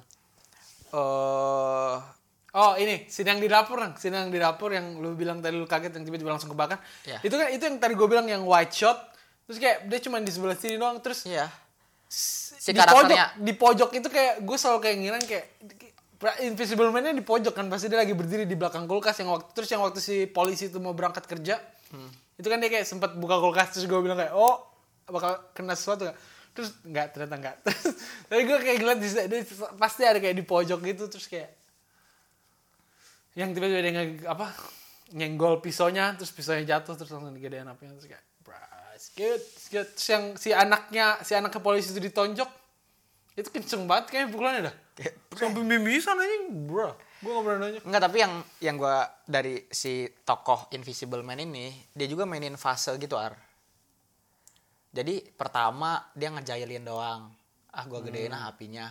Kayak gitu-gitu loh. yang kayak mungkin terjadi secara kecelakaan ya Iya. yang kayak bukan Bukan, ya, kayak mungkin pelan-pelan Pelan-pelan kayak Nah. bener-bener ah kayaknya hantu nih, kayak gitu loh. Bukan yang langsung tiba-tiba Ya atau enggak atau enggak dia emang lupa aja ngecilin apinya Enggak, kan. enggak. Kan enggak kan waktu awal-awal itu soalnya dia juga kayak cuma ketawa-ketawa doang kan waktu kebakar mungkin kayak apinya udah kelamaan terus jadinya kebakar jadi kayak masih mungkin kejadian secara nggak sengaja. Enggak, tapi apinya tuh kelihatan ngegedein gitu Iya iya maksud gue emang kita tahu tapi Iya. si Elizabeth Moss-nya sendiri kayak nggak tahu gitu. Jadi kayak dia kayak mikir kayak oh berarti tadi gue lupa matiin terus Iya, iya. tiba-tiba apa ada botol obat itu yang ada darahnya. Terus dia nanya kayak mungkin apa mungkin kok cuman lupa kali? Tapi kita kan lihat jatuh. Terus kita lihat dipegang sama Adrian. Terus kayak terus yang waktu gambarnya hilang gambarnya hilang kan yang baru waktu dia langsung Iya. nyadar 100% ah atau atau ketuker? Dan enggak yang nyadar yang mana dulu sih botol dulu atau si gambar hilang? gambar dulu baru botol. Dia 100% tuh ketika soalnya botol ya? botol oh karena ada darah ya? Karena darah. Oh, iya. Ini oh ini, ini pasti si Adrian anjing nih. Gitu. Adrian Prawi. Eh, terus eh, ini adanya gimana adanya menurut lo? Nah, itu sebenarnya gua eh, relation dia sama adenya Ad, ada yang ini maksud gua adanya Oh, Adrian adanya Adrian adanya Adrian si hukum itu Aha, si bangsat gue udah sempet kesian loh sama dia gue udah sempet percaya waktu dia bilang kita sama kita sama sama korban gue udah Iya, sempet iya. percaya gue sempet bilang kayak oh berarti dia ntar yang di akhir yang bakal jadi balikan terus dia bakal jadi sama oh terus pasti nanti nanti gue ada, penjara ada, ada pasti- pertanyaan gitu penjara Enggak, enggak. Yang yang waktu ngomong itu yang di awal, yang waktu pertama kali ngomong, yang dia nyuruh lupain aja, Ah. yang masih di kantor. Itu di situ kan dia sempat bilang kayak gue juga waktu dari kecil gue juga selalu dimanfaatin sama dia. Dia kayak dia bukan dia bukan kaya karena dia jenius, dia jago karena dia bisa masuk ke pikiran orang kayak gitu kan. Itu kayak gue sempet kesian sama dia terus gue bilang kayak dia bakal dia yang bakal jadi nyelamatin di akhir terus ternyata tai ternyata dia penipu bangsa. Eh tapi apa emang dia yang dimanfaatin akhirnya? nah itu Menurut lo, itu, atau dia itu emang- pertanyaan gue juga sebenarnya Terus pertanyaan gue yang paling penting, hubungannya sama si polisi itu apa sih? nah jadi Temen eh, doang. enggak mantan suami adenya Lu tau dari mana? lah emang iya kan Tahu dari mana? Emang ada pernah dibilang? iya Di kapan dibilang? Atau bu- bukan ya Iya makanya gue gak ngerti apa anak angkat atau gimana. Awalnya gue kira pacarnya. bukan bukan bukan Iya terus setelah enggak sepenangkapan gue iya dia emang deket sama adenya kan yang Iya. kayak dibilang kayak eh, Setahu gua se- seingat gua ya, entah di mana dia bilang itu mantan suami adenya. Hmm. Makanya jadi masih relatif dia. gue nggak makanya gue sepanjang film kayak ini apa sih relation lu berdua? So- terus gue kira sempet yang dia bilang mam sama dad gue kira kayak anak angkat. Jadi si or- orang itu itu anak angkat. Jadi kayak mereka saudara saudara nggak kandung gitu loh. Saudara angkat terus gue kayak oke. Tapi kayak nggak pernah dipasti makanya gue kayak bingung sampai akhir. Terus terus terus. Apalagi ya? Eh, itu yang gue sempat ini yang endingnya yang ternyata di reveal si adenya yang dalam invisible suit Itu sebenarnya gua pertanyaan sih. itu gue sempet kesel sumpah. Gue kira mereka bakal go the way gitu. Jadi si Adrian bener-bener ditangkap sama adanya terus untung enggak ternyata enggak kan? Ternyata emang si Adrian manfaatin adanya waktu di akhir. Atau menurut lu gimana? Nah, ya menurut lu gimana? Itu itu, itu Teori lu. Gak tau sih. Menurut gua, ya menurut lu film ini endingnya gimana? Ceritain endingnya dalam pikiran lu. Soalnya kalau misalkan menurut gue sendiri itu sesuai apa yang filmnya bilang. Jadi si Ya. Adrian selama ini dia jadi invisible man pas dia mau ke rumah dia udah tahu dia bakal gagal makanya dia suruh adanya yang pakai invisible suit jadi adanya tuh in on this the whole time iya. Terus karena dia udah tahu mau gagal di akhir yang waktu apa udah banyak yang ngeliat yang waktu scene berantem itu yang kayak bajunya kayak bzz, bzz, kayak error-error gitu kan udah banyak polisi yang lihat sudah ada CCTV. Nah dia harus nyari cara gimana caranya buat dia bisa keluar dari masalah ini. Nah ya udah dia telepon adenya dia suruh pakai baju invisible suit terus kayak lu ke rumahnya si Elizabeth Moss eh ke rumahnya polisi terus bunuh itu anak kayak gitu kan. Terus dia pura-pura sembunyi di bawah basement. Menurut gue sih kayak gitu emang. Jadi selama ini emang dia terus adanya emang dimanfaatin tapi adanya juga bangsat. Menurut gue kayak gitu. Lu sama nggak kayak gitu? Juga atau Eh. lu menurut lu yang lain? Menurut gua sih itu sih eh, makanya gua gua gak bingung sih kayak bisa aja semua muanya beneran adanya. Tapi nggak mungkin sih. menurut lu bisa aja kayak gitu? Bisa aja. Bisa aja salah satu alternate story-nya semuanya benar-benar si adenya. Tapi malah si adenya yang menggunakan si Adrian ini. Ngerti nggak? Bro. Jadi kayaknya nggak mungkin dah. si adenya mau kekayaan si Adrian. Ah. makanya eh, dia bilang Adrian mati biar harta warisannya dia dapat juga istri apa- terus dia nakut-nakutin istrinya cuma buat uangnya di tangan iya menurut itu salah tapi satu di scene akhir itu menurut tuh scene akhir itu Iya. nggak cancel Nah, gimana tapi dia iya, kayak tapi, natap iya kan Tapi di di Scene scene akhirnya makan langsung malam, scene makan malam langsung nge-cancel. Iya karena Itu- kan tatapan-tatapannya kan Iya. yang kayak Atau kedua tadi bener kata lu kayak adanya dijebak. Cuman kayak dijebak tuh itu benar-benar off story banget. ya karena adanya tuh nggak sejenius itu nggak sih? Di kita dilihatin gimana Tapi- cara ceweknya gampang banget ambil pulpen. Tapi apa apa apa motivasinya buat si adenya mau disuruh buat nyerang out of nowhere gitu ngerti gak sih? Nyerang apa maksudnya? Yang buat nyerang si adenya di rumah itu? Nyerang Eh adenya anaknya anaknya, polisi. ha-ha. Nyerang anaknya polisi. kayak buat apa juga gitu. Kalau misalkan kayak gitu mungkin aja dia emang ya itu apa yang dia lakuin. Jadi kayak kakak kalau misalkan kayak gitu logikanya si Adrian nggak pernah in the picture sejak dia dibilang mati dia selalu di bawah basement jadi dia nggak pernah tahu apa apa. Iya. Jadi Invisible Man yang selama yang kita ikuti adanya Iya. terus yang ngerancarin semua ada yang jadi itu itu bukan masalah mau atau enggak dia emang mau ngelakuin itu karena kan dia udah ketahuan terus kayak lu kalau misalkan macam-macam lagi ini yang gue bunuh pertama si anak kalau misalkan lu masih nggak mau ngelakuin apa yang gue suruh si itu juga jadi semakin lu ngomong kayak gitu gue jadi semakin masuk akal kayak gitu soalnya gimana sih ad, ad, adanya selalu bilang kayak Adrian tuh udah beneran mati yang dia selalu nunjuk. Iya foto. Earnnya, earnnya itu yang kayak dia lebih deket kok dia ada di Gucci itu dia udah dibakar kayak gitu. Itu emang agak mencurigakan waktu awal yang dia selalu bilang kayak gitu. Apa kita perlu nonton lagi? Kayak ngeliat yang waktu eh, apa? Waktu dia datang pertama ke kantor itu apa ada kursi yang mundur dikit? Kayak mungkin ada Invisible Man yang duduk di situ. Kalau misalkan Invisible ada dua berarti kan Oh, iya. bukan adanya kan? Berarti udah ada situ coba ya ya ketika si oh adanya terus di kenapa juga ada dua baju Invisible Man berarti mungkin emang ada dua oh benar kenapa ada dua mungkin ada kakak ya iya fuck Invisible Man 2 confirm oh, iya. ada tuh Adanya ya, mati buat, nggak sih? buat cadangan aja Adanya mati nggak? mati emang udah pasti mati harusnya Kenapa mati? Oh ditembak ya? Iya. Eh ditembak gak sih? kamu masih bapaknya Ditembak tapi. Enggak, karena ingatan Oh, enggak, di, di- giniin doang. Iya kan oh ditembak ketahuan. sama Elizabeth Moss. iya Tiga kali ya di sini ya? di dada kenapa kenapa nggak di kepala ya kan kepala dibuka Karena Bisa mungkin mau ada kemungkinan buat sequel kali. Kayak jadi Invisible Man-nya adanya. Terus nanti mereka sama-sama invisible. jadi selama, selama film kita cuma ngeliat ini doang. Kayak mobil kayak bunyi tiba-tiba alarmnya kayak pong. Kita nggak ngeliat. korbannya polisi Terus itu yang tadi lu mau bilang yang action scene yang berantem di polisi itu lu suka nah banget ya? ya itu kan ada scene dia di penjara kan Bukan penjara. Apa? Itu bukan mental hospital. Nah, ya mental mental ya. Ah. Nah itu dan itu kayak menurut gua bahkan dari awal sih yang ketika si Elizabeth Moss yang di pala di dapur Fuck. Fuck, gue lupa itu. Gue Itu lupa kan? itu. Scene yang itu, itu gue suka banget Itu bagus banget. Yang dia berantem sama Invisible Man dia itu ya? dia berantem sama Invisible Man Ah, sampai ah. tahu tapi Yang kayak dia melayang-layang gini kayak, Iya. terus rambutnya ditarik. Iya, itu gue suka banget itu. menurut gue itu Oh, efeknya fuck. rapi sih. Kayak Iya, iya, iya. iya. Dia tiba-tiba Iya. Terus dilempar itu- ke ini. Itu bagus banget. Dilempar ke banget. tembok terus kayak yang dia mau pakai pisau terus kayak pisau Iya. tiba-tiba terlempar kayak iya iya, iya gue suka Itu. banget itu. Nah, terus- Iya, iya, lupa gue. Dan eh, tapi kan tuh lawan satu orang doang.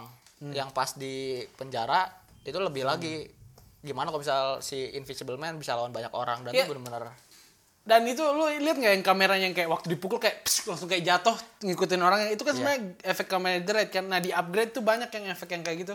Yang kayak kameranya itu ditempel ke sini terus kayak ngeliatin kayak oh jatuhnya gitu. Terus kayak patah-patah yang waktu pistolnya ditun- ditembak ke sini kameranya kayak pang-pang kayak gitu kayak. Good, good job man, good job. Terus hmm, banyak ini banyak yang aneh. Pertama, kayak gimana si Invisible Man bisa dari rumah polisi ke rumahnya Adrian secepat itu?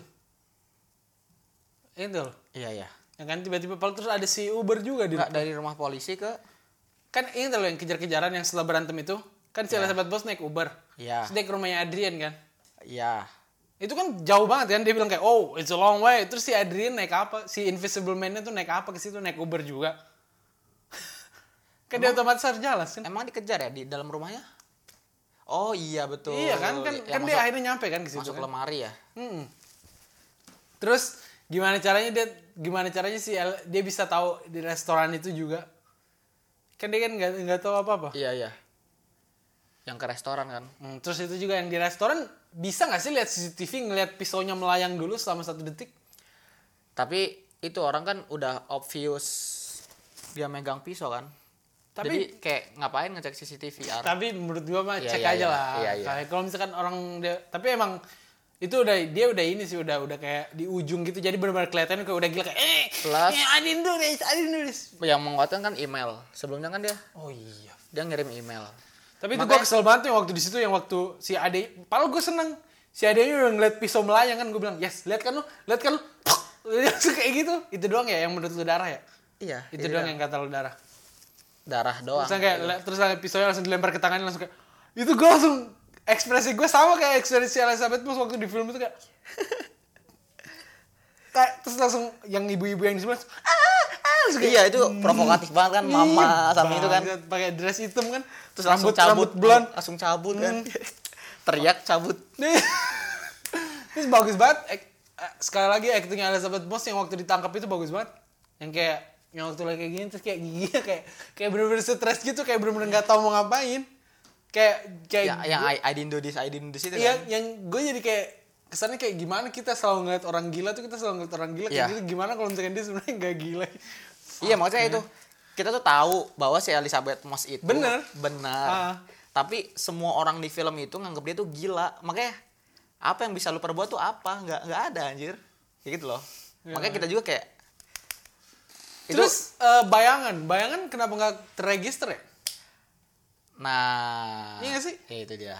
apa bayangannya juga hilang karena tapi kan cahaya cahaya kan Karena ketutupan si kamera itu ya. Nggak masuk akal dong bayangan Iya, iya, kan iya, iya. cahayanya harus tetap kan dia tetap ada kan jadi kalau misalkan ditonjok tetap kerasa kan Ya bahkan kok contoh kalau kita punya kaca yang tembus pandang pun Hmm. ketika kita taruh kan dia masih punya bayangan. Walaupun bro kecil That's kan, true. dikit kan. bro Tapi Lee kan- Wanell, come on man Enggak, what the fuck Tapi kan itu itu kan kaca kalau dia nembusin cahaya. Kalau ini kan bukan nembusin cahaya, tapi dia cuman nembusin penglihatan doang kan. Dia dialihkan kan jadi kan itu kan ke sana kan yang kayak kayak ini kayak di Avengers kan yang kamera nangkep visual Ah. terus sama dia dialihin ke depannya kan gitu Iya. kan Iya, iya, iya. iya kayak kalau gitu. kayak gitu harusnya masih ada bayangan dong Iya, iya. malah malah jelas bayangannya Hamid. Iya, makanya, makanya. atau mungkin dia kayak sengaja makanya ngisi sin apa shootnya tuh baik di tempat gelap-gelap gitu kali kan kan rumahnya kan selalu kayak gelap-gelap Remang-remang gimana gitu. Terus yang tadi yang kamera yang kita bahas yang kayak waktu jalan di lorong gitu kita ngeliatin Elizabeth Moss tapi tiba-tiba kameranya kayak lari duluan. Kameranya lari duluan terus kayak muter lagi balik ke dia. Ya itu sih kameranya ini sih bagus kameranya cuman eh, banyak banyak yang bikin gue kesel tuh yang kayak si Invisible Man terus terus bisa ngejar Elizabeth Moss tuh gimana caranya? Gue kayak Atau mungkin atau mungkin yang punya dua tracking. itu atau mungkin yang dua itu jadi ada sebenarnya ada kakak oh enggak tapi nggak mungkin dong kan bajunya diambil satu sama Elizabeth Moss kan dia ya bisa aja bikin banyak, Ar. too expensive bro budgetnya cuma 6 miliar Atau mungkin dia punya baju tiga baju.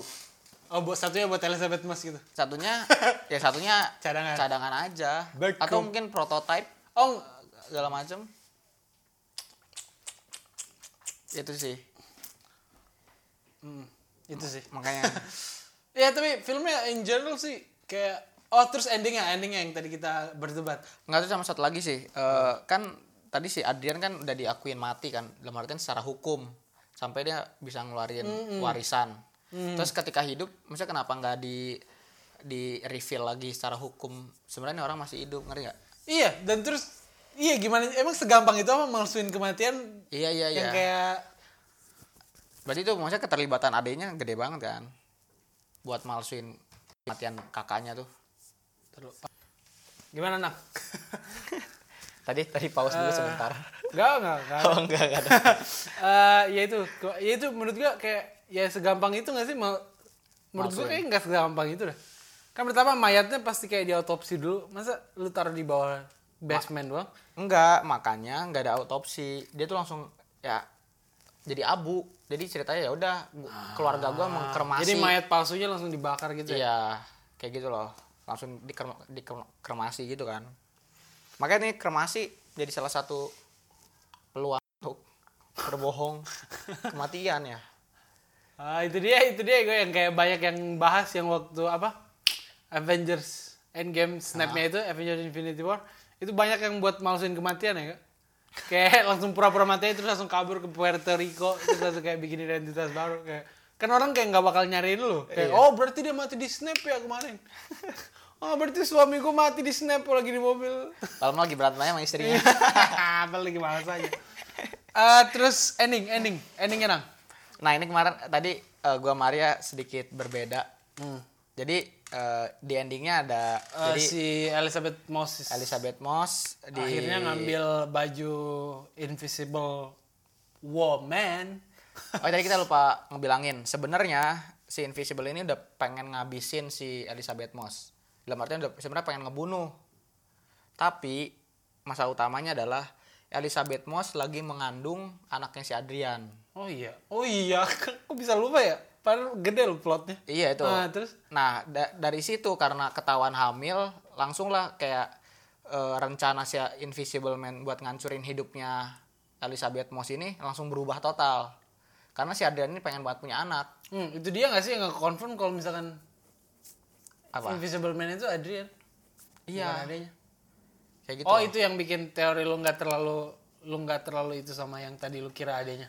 Karena oh iya kenapa kita bisa? Ya terus? Kayak gitu. Makanya jadi kayak langsung si Invisible Man eh langsung bikin perjanjian gitu ke Elizabeth Moss kan. Kayak lu balik ke Adrian. Bukan Invisible Man si adenya. Ah, iya si adenya si adenya kayak lu balik ke Adrian.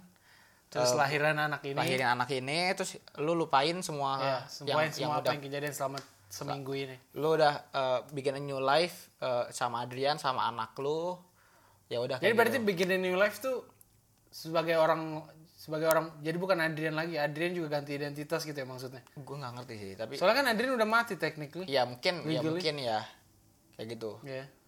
terus nah dari sini eh, keadaan langsung turning point buat si Elizabeth Moss dia dia punya bargaining point buat ng- ngelawan si Invisible Man kan bahwa ini gue punya sesuatu yang Terus dia nggak mau kan punya anaknya Adrian. iya dan Elizabeth Moss juga kayak dia udah bodo amat juga. Ya makanya dia nggak peduli makanya dia cuma nggak mau Invisible Man yang menang udah ngebunuh kakak gua. Kakak atau adik sih? Adanya adanya terus langsung dia itu bukannya langsung mati ya instant death ya kalau kayak gitu ya? Langsung lemas. gua terus itu juga by the way darahnya hilang ya kok kan dia setelah kena shower. Ya palu udah ditarik lumayan panjang kan udah kayak sekitar Ada berapa itu, meter itu ditarik. bluffing doang gue nggak paham sih kayaknya itu bluffing doang sih Ar. Oh. Itu tuh bluff menurut gue ya itu dia bluffing doang buat gue tahu lu tuh ada di situ anjir. Kayak gitu. Terus langsung dia tusuk gitu ya? Itu gue ngirain sih beneran makanya gue makanya dia lari-lari selama ini kayak nggak ada darahnya. Ya Nggak. masuk akal juga sih kalau bluffing soalnya darahnya emang bener-bener nggak ada. Karena dia tahu dia di atau mungkin ketusuk dikit doang kayak cuman kayak pek. Kayak gitu terus ya pas di akhir si Adrian kayak ngajak makan malam buat setelah adenya ditangkap itu ya udah nonton sih yang ya adanya. terus udah nah eh, di situ sih apa ya si eh, rencana aslinya dia kayak mau eh, Adrian ngaku kalau misalkan dia tuh cuma manfaatin adanya terus dia ngelakuin semua ini. Ya Si lewat Elizabeth rekaman tuh- suara. Iya, si Alice, iya sama dia kerja sama sama polisi. kakak mantan suami adanya atau apa pun siapa pun si polisi itu dia kerja sama sama dia terus kayak si Elizabeth itu bener-bener nanya kayak apa kau jujur jujur. Apa tell me dia nggak nanya pertanyaan dia cuma Iya. tell me be honest. If you wanna be with me be honest gitu ya apa gitu. Terus kayak dia bilang I am honest kayak gitu. Terus ditanya sampai dua kali atau tiga kali sih kayak gitu. Terus dia langsung kayak sedih gitu mukanya kayak langsung berubah raut mukanya terus langsung oke. Terus dia langsung ke toilet.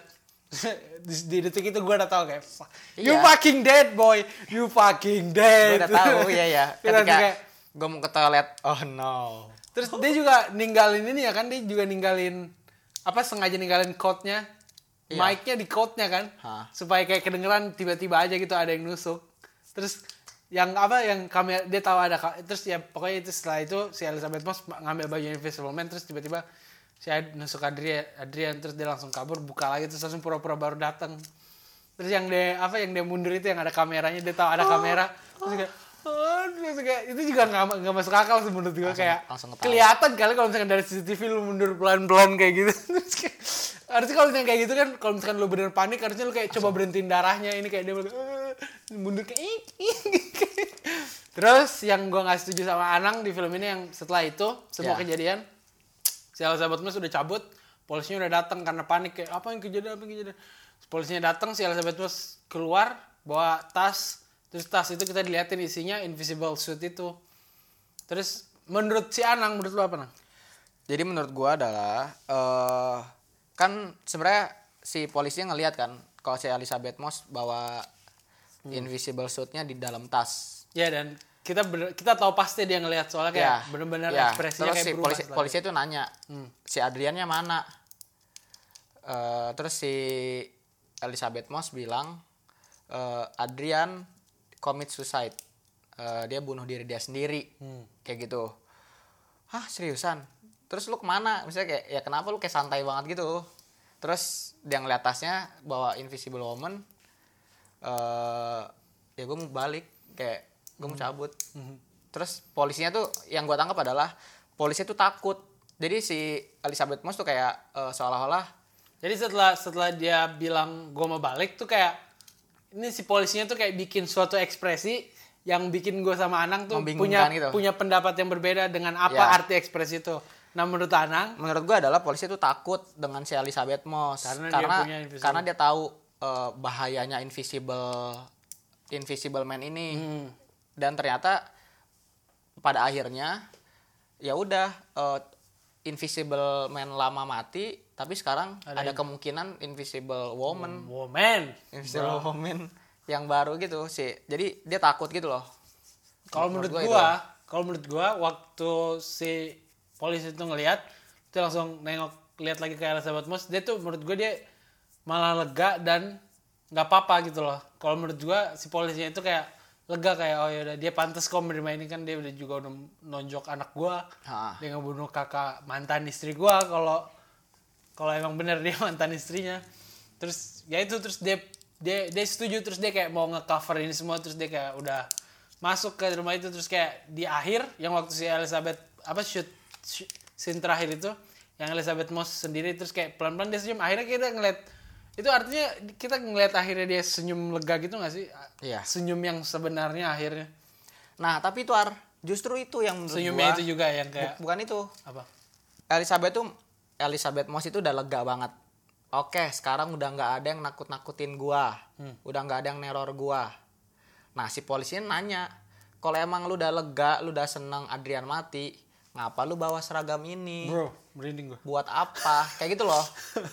Ngerti Iya, nggak? bener ya? jadi mungkin dia mau nyelamatin cewek-cewek lain gitu ya Enggak. iya sih jadi kayak Ya maksudnya ya udah maksudnya kita tahu bahwa ini si seragamnya adalah alat kejahatan. that's true ya misalnya kayak itu kayak ketika lu lu kesel sama orang punya pistol terus lu ngebunuh orang yang punya pistol dengan pistol dan semua orang yang punya pistol mati terus lu the one who That's- hand the gun jadi yang orang jahat ya lu menurut gue itu. Jadi kayak apa kejahatan dibalas kejahatan gitu ya intinya. Dan lu malah jadi orang jahat di in the end. Oh berarti kayak quote-nya Batman dong? Iya. Iya tau nggak lo yang gue maksud? Iya iya. Kalau misalkan kita ngebunuh penjahat jumlah penjahat tetap sama. Iya. Bro, tapi kalau kita ngebunuh dua penjahat jumlah penjahat berkurang, you Berkurang fucking dumb Batman bitch. Bener juga tapi yang lu bilang. Itu. soalnya itu juga yang di scene akhir tuh emang kayak selalu tau gak sih yang scene, scene akhir gitu yang kayak ekspresi ekspresi Iya, aktor iya. kadang-kadang dilihatin kayak "Eh, senyum dia ini senyum atau cemberut kayak kayak gitu. Kayak terus itu sama yang kayak Elizabeth tunjukin kayak dia kayak senyum tapi kayak ada sesuatu yang lain gitu di raut mukanya dan itu yang kayak bisa diinterpretasi yang lain-lain. Bener juga sih yang lu bilang yang kayak itu sih itu yang tapi dari polisinya sendiri sih kayak menurut gue kayak dia lebih lega Iya, karena iya. udah bunuh. Soalnya kayak soalnya yang di yang akhir itu kan si si Elizabeth Moss kayak nyentuh pundaknya gitu terus si po- si polisinya tuh kayak nyentuh tangannya itu kan biasanya kan generally itu kayak bilang kayak oke oke oke kayak gitu. Nggak apa-apa. Jadi kayak tapi musiknya juga oh ya by the way musiknya juga bagus banget di Iya. film ini. Yang kayak tapi sebenarnya eh sama satu lagi kemarin di Twitter cukup rame. Soalnya Invisible Man ini ya salah satu film yang bagus dan tidak diantisipasi gitu loh. Kayak tiba-tiba out of nowhere keren juga nih film. Kayak gitu. Bukan yang kayak promosi dari awal udah gede eh, gede emang gede kayak gitu. itu kan emang kan Blumhouse. Oh, ya, Blumhouse, ya. We don't need no money, bro. For We just marketing. make it for fucking cheap. dia benar-benar mouth to mouth banget marketingnya. Hmm, iya. itu sih. Nah terus jadi rame. Terus orang benar-benar kayak nge-highlight si eh, director si Wendell ini sama si performanya Elizabeth Moss. Elizabeth Moss.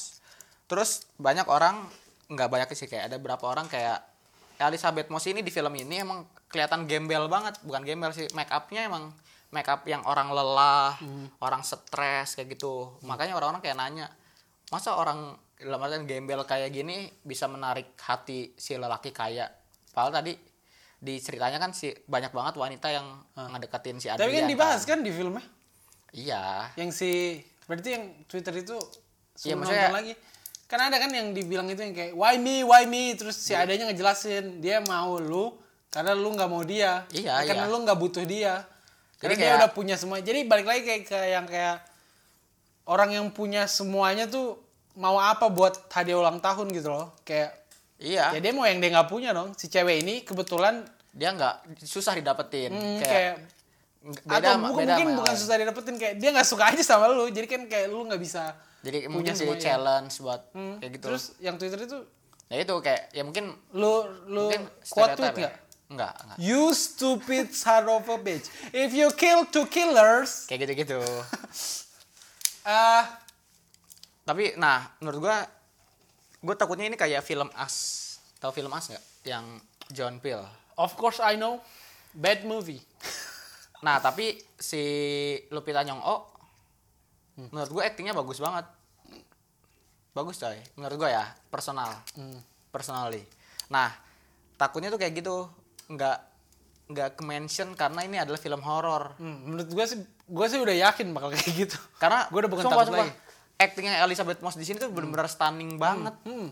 Apalagi yang action yang tadi dia ditarik-tarik sama Invis, lu susah banget anjir Hmm. acting dengan kayak lu pura-pura ketarik jam ya pasti itu efek sih Iya, makanya beneran itu tapi antara emang dia disuruh acting tanpa ada apa-apa atau pakai green ada sesuatu yang dia acting terus dia edit out makanya tapi tetap aja bukan cuma action itu doang yang kayak dari yang dia nuang kopi terus dia duduk itu itu kayak nggak tahu kenapa si Elizabeth Moss tuh punya muka dan tingkah laku yang kayak menurut gua unsettling banget. Karena dia kan oh by the way dia juga ada di As dia kan jadi yang keluarga kaya itu. Oh iya. Elizabeth Moss. Oh iya. Iya di situ dia juga dia selalu unsettling gitu gak sih? Menurut lu kayak kayak mukanya dari tingkah lakunya kan dia kan terkenal kan dari TV series lu tau gak TV seriesnya? Gue gak nonton sih. Ada pokoknya TV series tentang kayak gimana kalau misalkan tokoh-tokoh wanita tuh nggak pernah ada. Jadi sampai sekarang sampai waktu present time ini cewek tuh masih dipandang rendah daripada cowok-cowok kayak gitu loh pokoknya.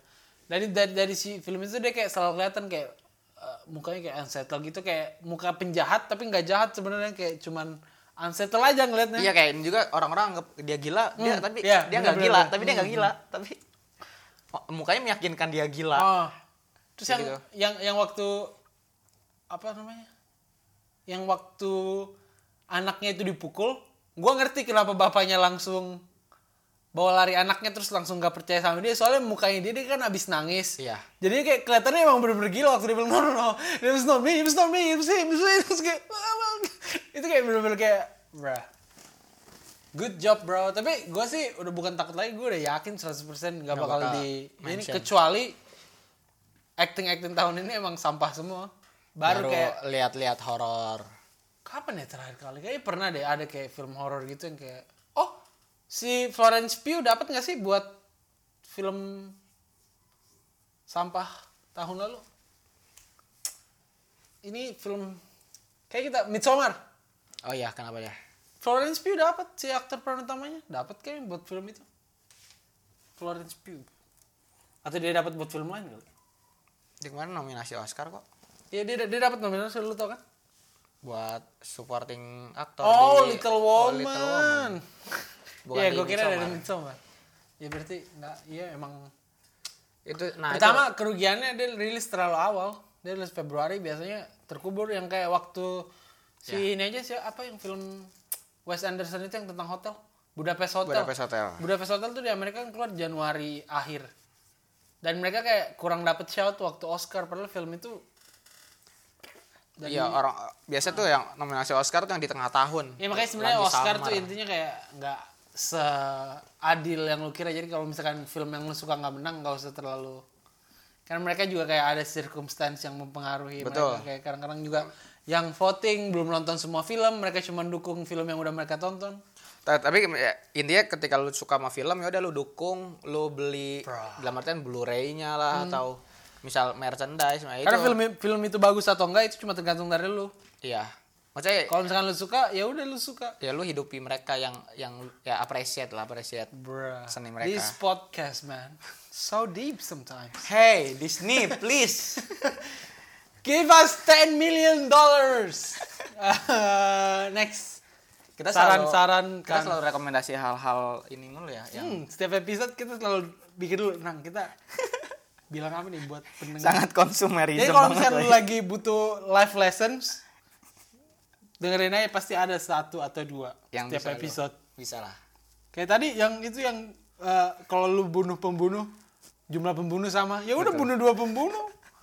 Smart. Smart. Big brain, bro. That's how you do it, Batman. You fucking bitch. Eh, saran-saran saran. Lu duluan. Kayaknya gue nggak ada di minggu ini. Iya dulu dulu. Saran. Gue belum mikirin sih Enggak, yang ini yang apa yang lagi lu tonton sekarang?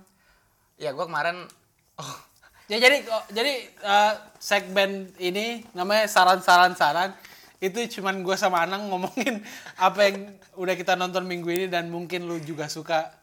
Bisa Itu kita intinya. saranin. Iya, Enggak sih. makanya ada tiga saran karena ada Anang, ada gua, ada lu. Saran, saran, saran.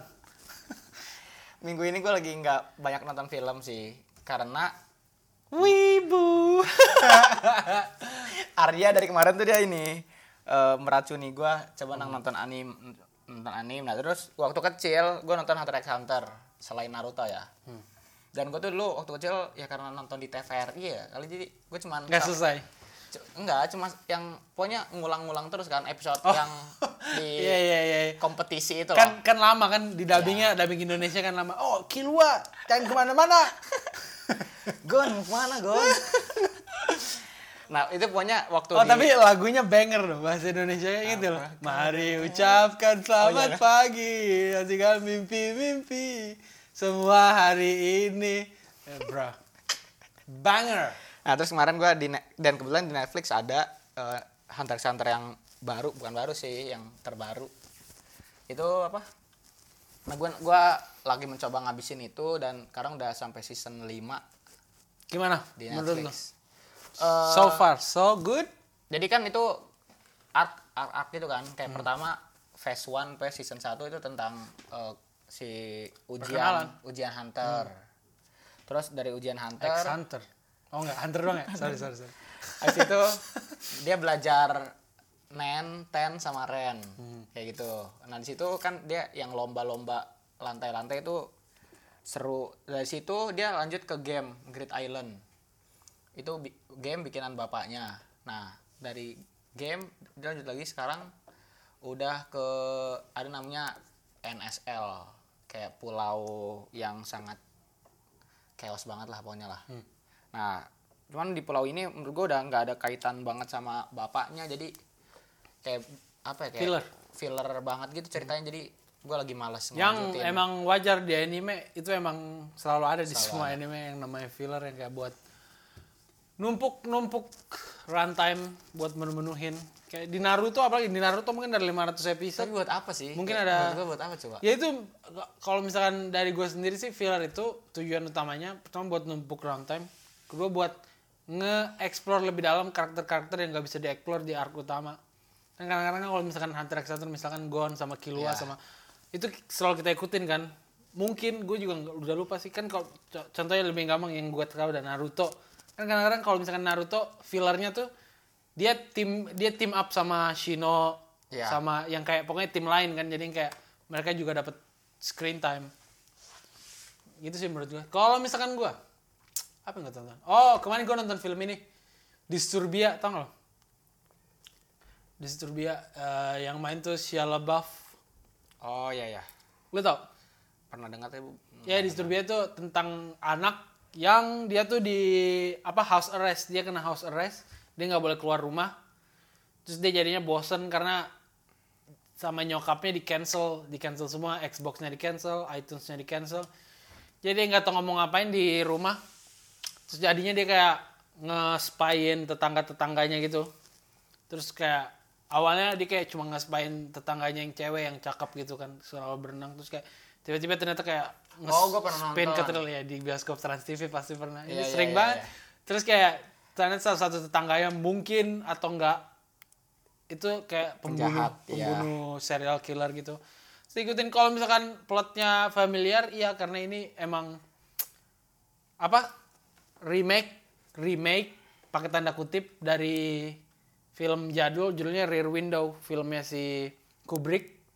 Dan waktu film ini dirilis itu tuh sempat ada masalah. Jadi kayak yang punya Rear Window itu nuntut Steven Spielberg karena ini ini Steven Spielberg ngeproduksi ngeproduksi film ini.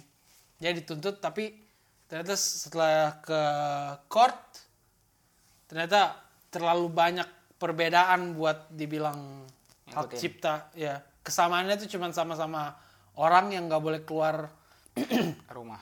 rumah terus mata-matain neighbornya terus salah satu neighbornya ada yang bermasalah ya gitu dong kesamaannya menurut gua ini emang teen horror tahun 2007-an sih jadi kayak ya lu tau lah apa what to expect.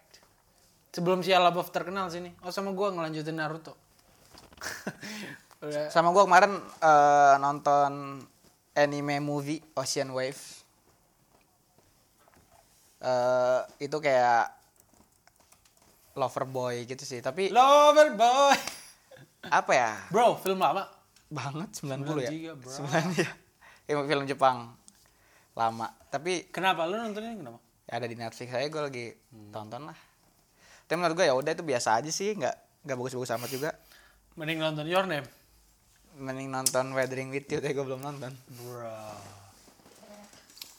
Itu nonton yang ada di Netflix lah, itu udah. Hmm. Itu nonton namanya appreciate artist. nonton lu belum nganan hook. Oh ya terus kemarin kita sempat menanyakan question oh apa oh iya minggu sub or dub. oh iya apa Subtitle menang. lu nanya gimana taruh gue perlu tahu konteks Oh, iya. lu nanya gimana lu ngepost di mana sih kok gue nggak? Di Instagram Instagram. Pokoknya gue nanya kalau misalkan lu nonton di film akunnya mana Marjono Marjono. Kalau lu nonton film lebih suka baca subtitle, nonton film? Iya, fil movie apa pun. ah itu mah gue nggak terlalu itu gue juga mungkin subtitle. Kan anime. gue kalau misalkan anime anime gue dub dub bro dub. Buset! 94 6 persen. Kayaknya gue doang berarti yang milih dub. Tapi banyak juga kok teman-teman gue itu yang banyaknya k-drama sih. Korean series gitu-gitu. kalau kid drama mereka lebih suka dub subtitle, subtitle. oh iya kalau kayak gitu mah udah pasti kan Nah, tapi tuh Ar, eh, gua lebih milih subtitle sebenarnya. kalau misalkan anime Kalau anime karena Oke, oke, eh, oke, menurut oke, gua oke. dapat jadi maksudnya ya gua gua pengen culture aja sih kayak ya udah karena itu buat orang Jepang mungkin konteks omongannya juga Nggak. pakai bahasa mereka nah itu dia itu dia kayak sampai sekarang itu nanti teh bayo kayak gitu. Tim tim tim sub itu apa ah apa ya argumennya selalu kayak gitu. Karena kayak kurang expressionless kan kayak kayak lebih kayak Naruto Sasuke kayak lebih itu kan. Iya. tapi sekarang kalau misalkan lu dengerin apa dubbing dubbing zaman sekarang itu ekspresinya masih dapat menurut gua kayak bisa dilihat di sini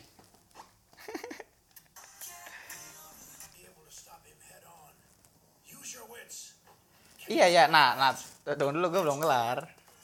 Kayak gua mana sih scene yang gua maksud? Nah, terus nanti waktu dia pakai ini menurut gua lebih dapat karena Scene langsung kayak "Ah, plus kan kayak gitu. Ini dapat di sini kayak gue tetap hype padahal bahasa Inggris.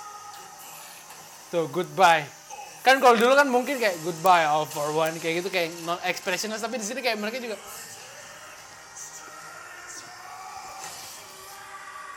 kayak lebih dapat kayak kalau misalkan kalau misalkan Jepang kadang-kadang mereka kalau misalkan agak cringe kalau misalkan sorry kalau misalkan mereka ngomong bahasa Inggris jadi kayak United to Summation kayak gitu. Jadi kayak menurut gua brah dub all the way you baby. Nah tapi kemarin Hunter x Hunter gua nyoba dengerin pakai dub. Oh iya full full dub. Hah. itu sampai season 4 sih karena season 5 kayak nggak ada dubnya cuma ada subtitle. Nah dan itu sebenarnya eh, ya karena mungkin gua ngerti bahasa Inggris sih. Hmm. jadi ya udah lebih enteng gitu loh Ar. jadi gua nggak terlalu nggak harus fokus-fokus banget selama nontonnya. Gue masih bisa mengerjakan hal-hal lain. Kalau dub kan? Kalau dub. Iya. Karena ya itu itu dia- menurut lu itu negatif? Itu positif Oh, iya? jadi misal gue bisa sambil nonton bisa sambil ngerjain hal lain. Misal sambil makan sambil apa kayak gitu. Sedangkan kalau misal kayak subtitle kayak gue tuh bener-bener semua sense gue tuh kepake banget. Ya Dan itu exactly. drain drain energi menurut gue capek banget kayak dan kalau lu ngedip sedetik itu tuh langsung ke kehilangan konteks menurut Iya, gua. iya. kadang-kadang soalnya kalau Naruto kan misalkan Naruto kalau misalkan mereka kayak lagi ngobrol-ngobrol-ngobrol terus gua kadang-kadang kayak ngeliat HP sedikit kayak cek notifikasi terus pas gua balik lah udah pindah ke Orochimaru. Jadi gua nggak tahu tadi apa apa eh, ending percakapan Naruto tuh apa. Iya, kalau misalnya kayak baca terus jadi karena gua ulang lagi gua bener lagi. bener mau nonton satu seat menurut gue subtitle oke. Cuman kalau misal lu punya hal something to do yang lain ya dubbing. Nah, kalau gue nggak bisa sih karena gue orang kayak lebih suka kayak nggak bisa bener-bener kayak nonton fokus kayak gitu kalau misalkan nggak di bioskop. Jadi gue kadang-kadang tetap harus megang HP. Jadi kayak kadang-kadang tetap kayak bra bra bra bra Naruto Iya. Naruto Naruto Naruto. itu dubbing Ya that's it that's it that's it. Jadi eh sub or dub tapi- do whatever you want. kalau kalau dapetnya bahasa Indonesia gimana pernah nggak lo Bro, love it man. gue gue belum pernah sih gue belum pernah gue pernah Global TV oh global TV Bro, Sasuke jangan lakukan itu. Naruto tunggu sebentar Aku tidak mau. Sasuke sudah menungguku di sana. Itu kayaknya lebih ke Doraemon ya, kalau kayak gitu. Apa nada bicaranya? Oh, iya. Doraemon, Doraemon. Aku mau baling-baling bambu. Ah, Nobita. Kamu minta baling-baling bambu melulu. aduh Eh, beli beli beli. Ah, itu dia oke. That's it for this week. Nggak kita kita berapa jam? Ntar nggak ada orang yang dengerin lagi. Hmm, makanya. Eh ya, eh, minggu depan mungkin eh, onwards. Kita bakal Ya. bikin nah fil- di bulan Maret ini ada film-film gede yang bakal tayang. Salah satunya Onward. Hmm. terus sama apa lagi? Black eh Black Black Widow kapan? April. Black Widow bulan depan. Wonder Woman tengah tahun ya Eh, itu Juli. ya tengah tahun itu superhero superhero Sebelum Iblis menjemput. oh Sima 2 Gak ada kayaknya. Onward doang. Tapi Netflix banyak kan kemarin yang lu retweet itu banyak banget di Netflix. iya dia Itu kita bisa juga bisa juga kok bikin episode dari situ. Misalkan kayak Netflix Kingdom, original. Kingdom season 2. Si kita nonton King- sampai selesai. Kingdom season 2 Terus kita review season 1 sama season 2 nya. Let's go, oke, Sama kita- kayak gini bentuknya jadi kayak non spoiler dulu satu season kita in general. Ya itulah ini udah panjang series ya, ya seperti biasa Marjono underscore underscore buat polling atau pertanyaan segala macam. Ah, terima kasih. jadi minggu depan onward kalau bisa nonton tapi itu supaya bisa dengerin sampai bagian spoilernya. yang seru dari Onward adalah kayak banyak orang yang ah biasa aja kayak gitu Iya iya, gue gue sendiri sih kayak gitu.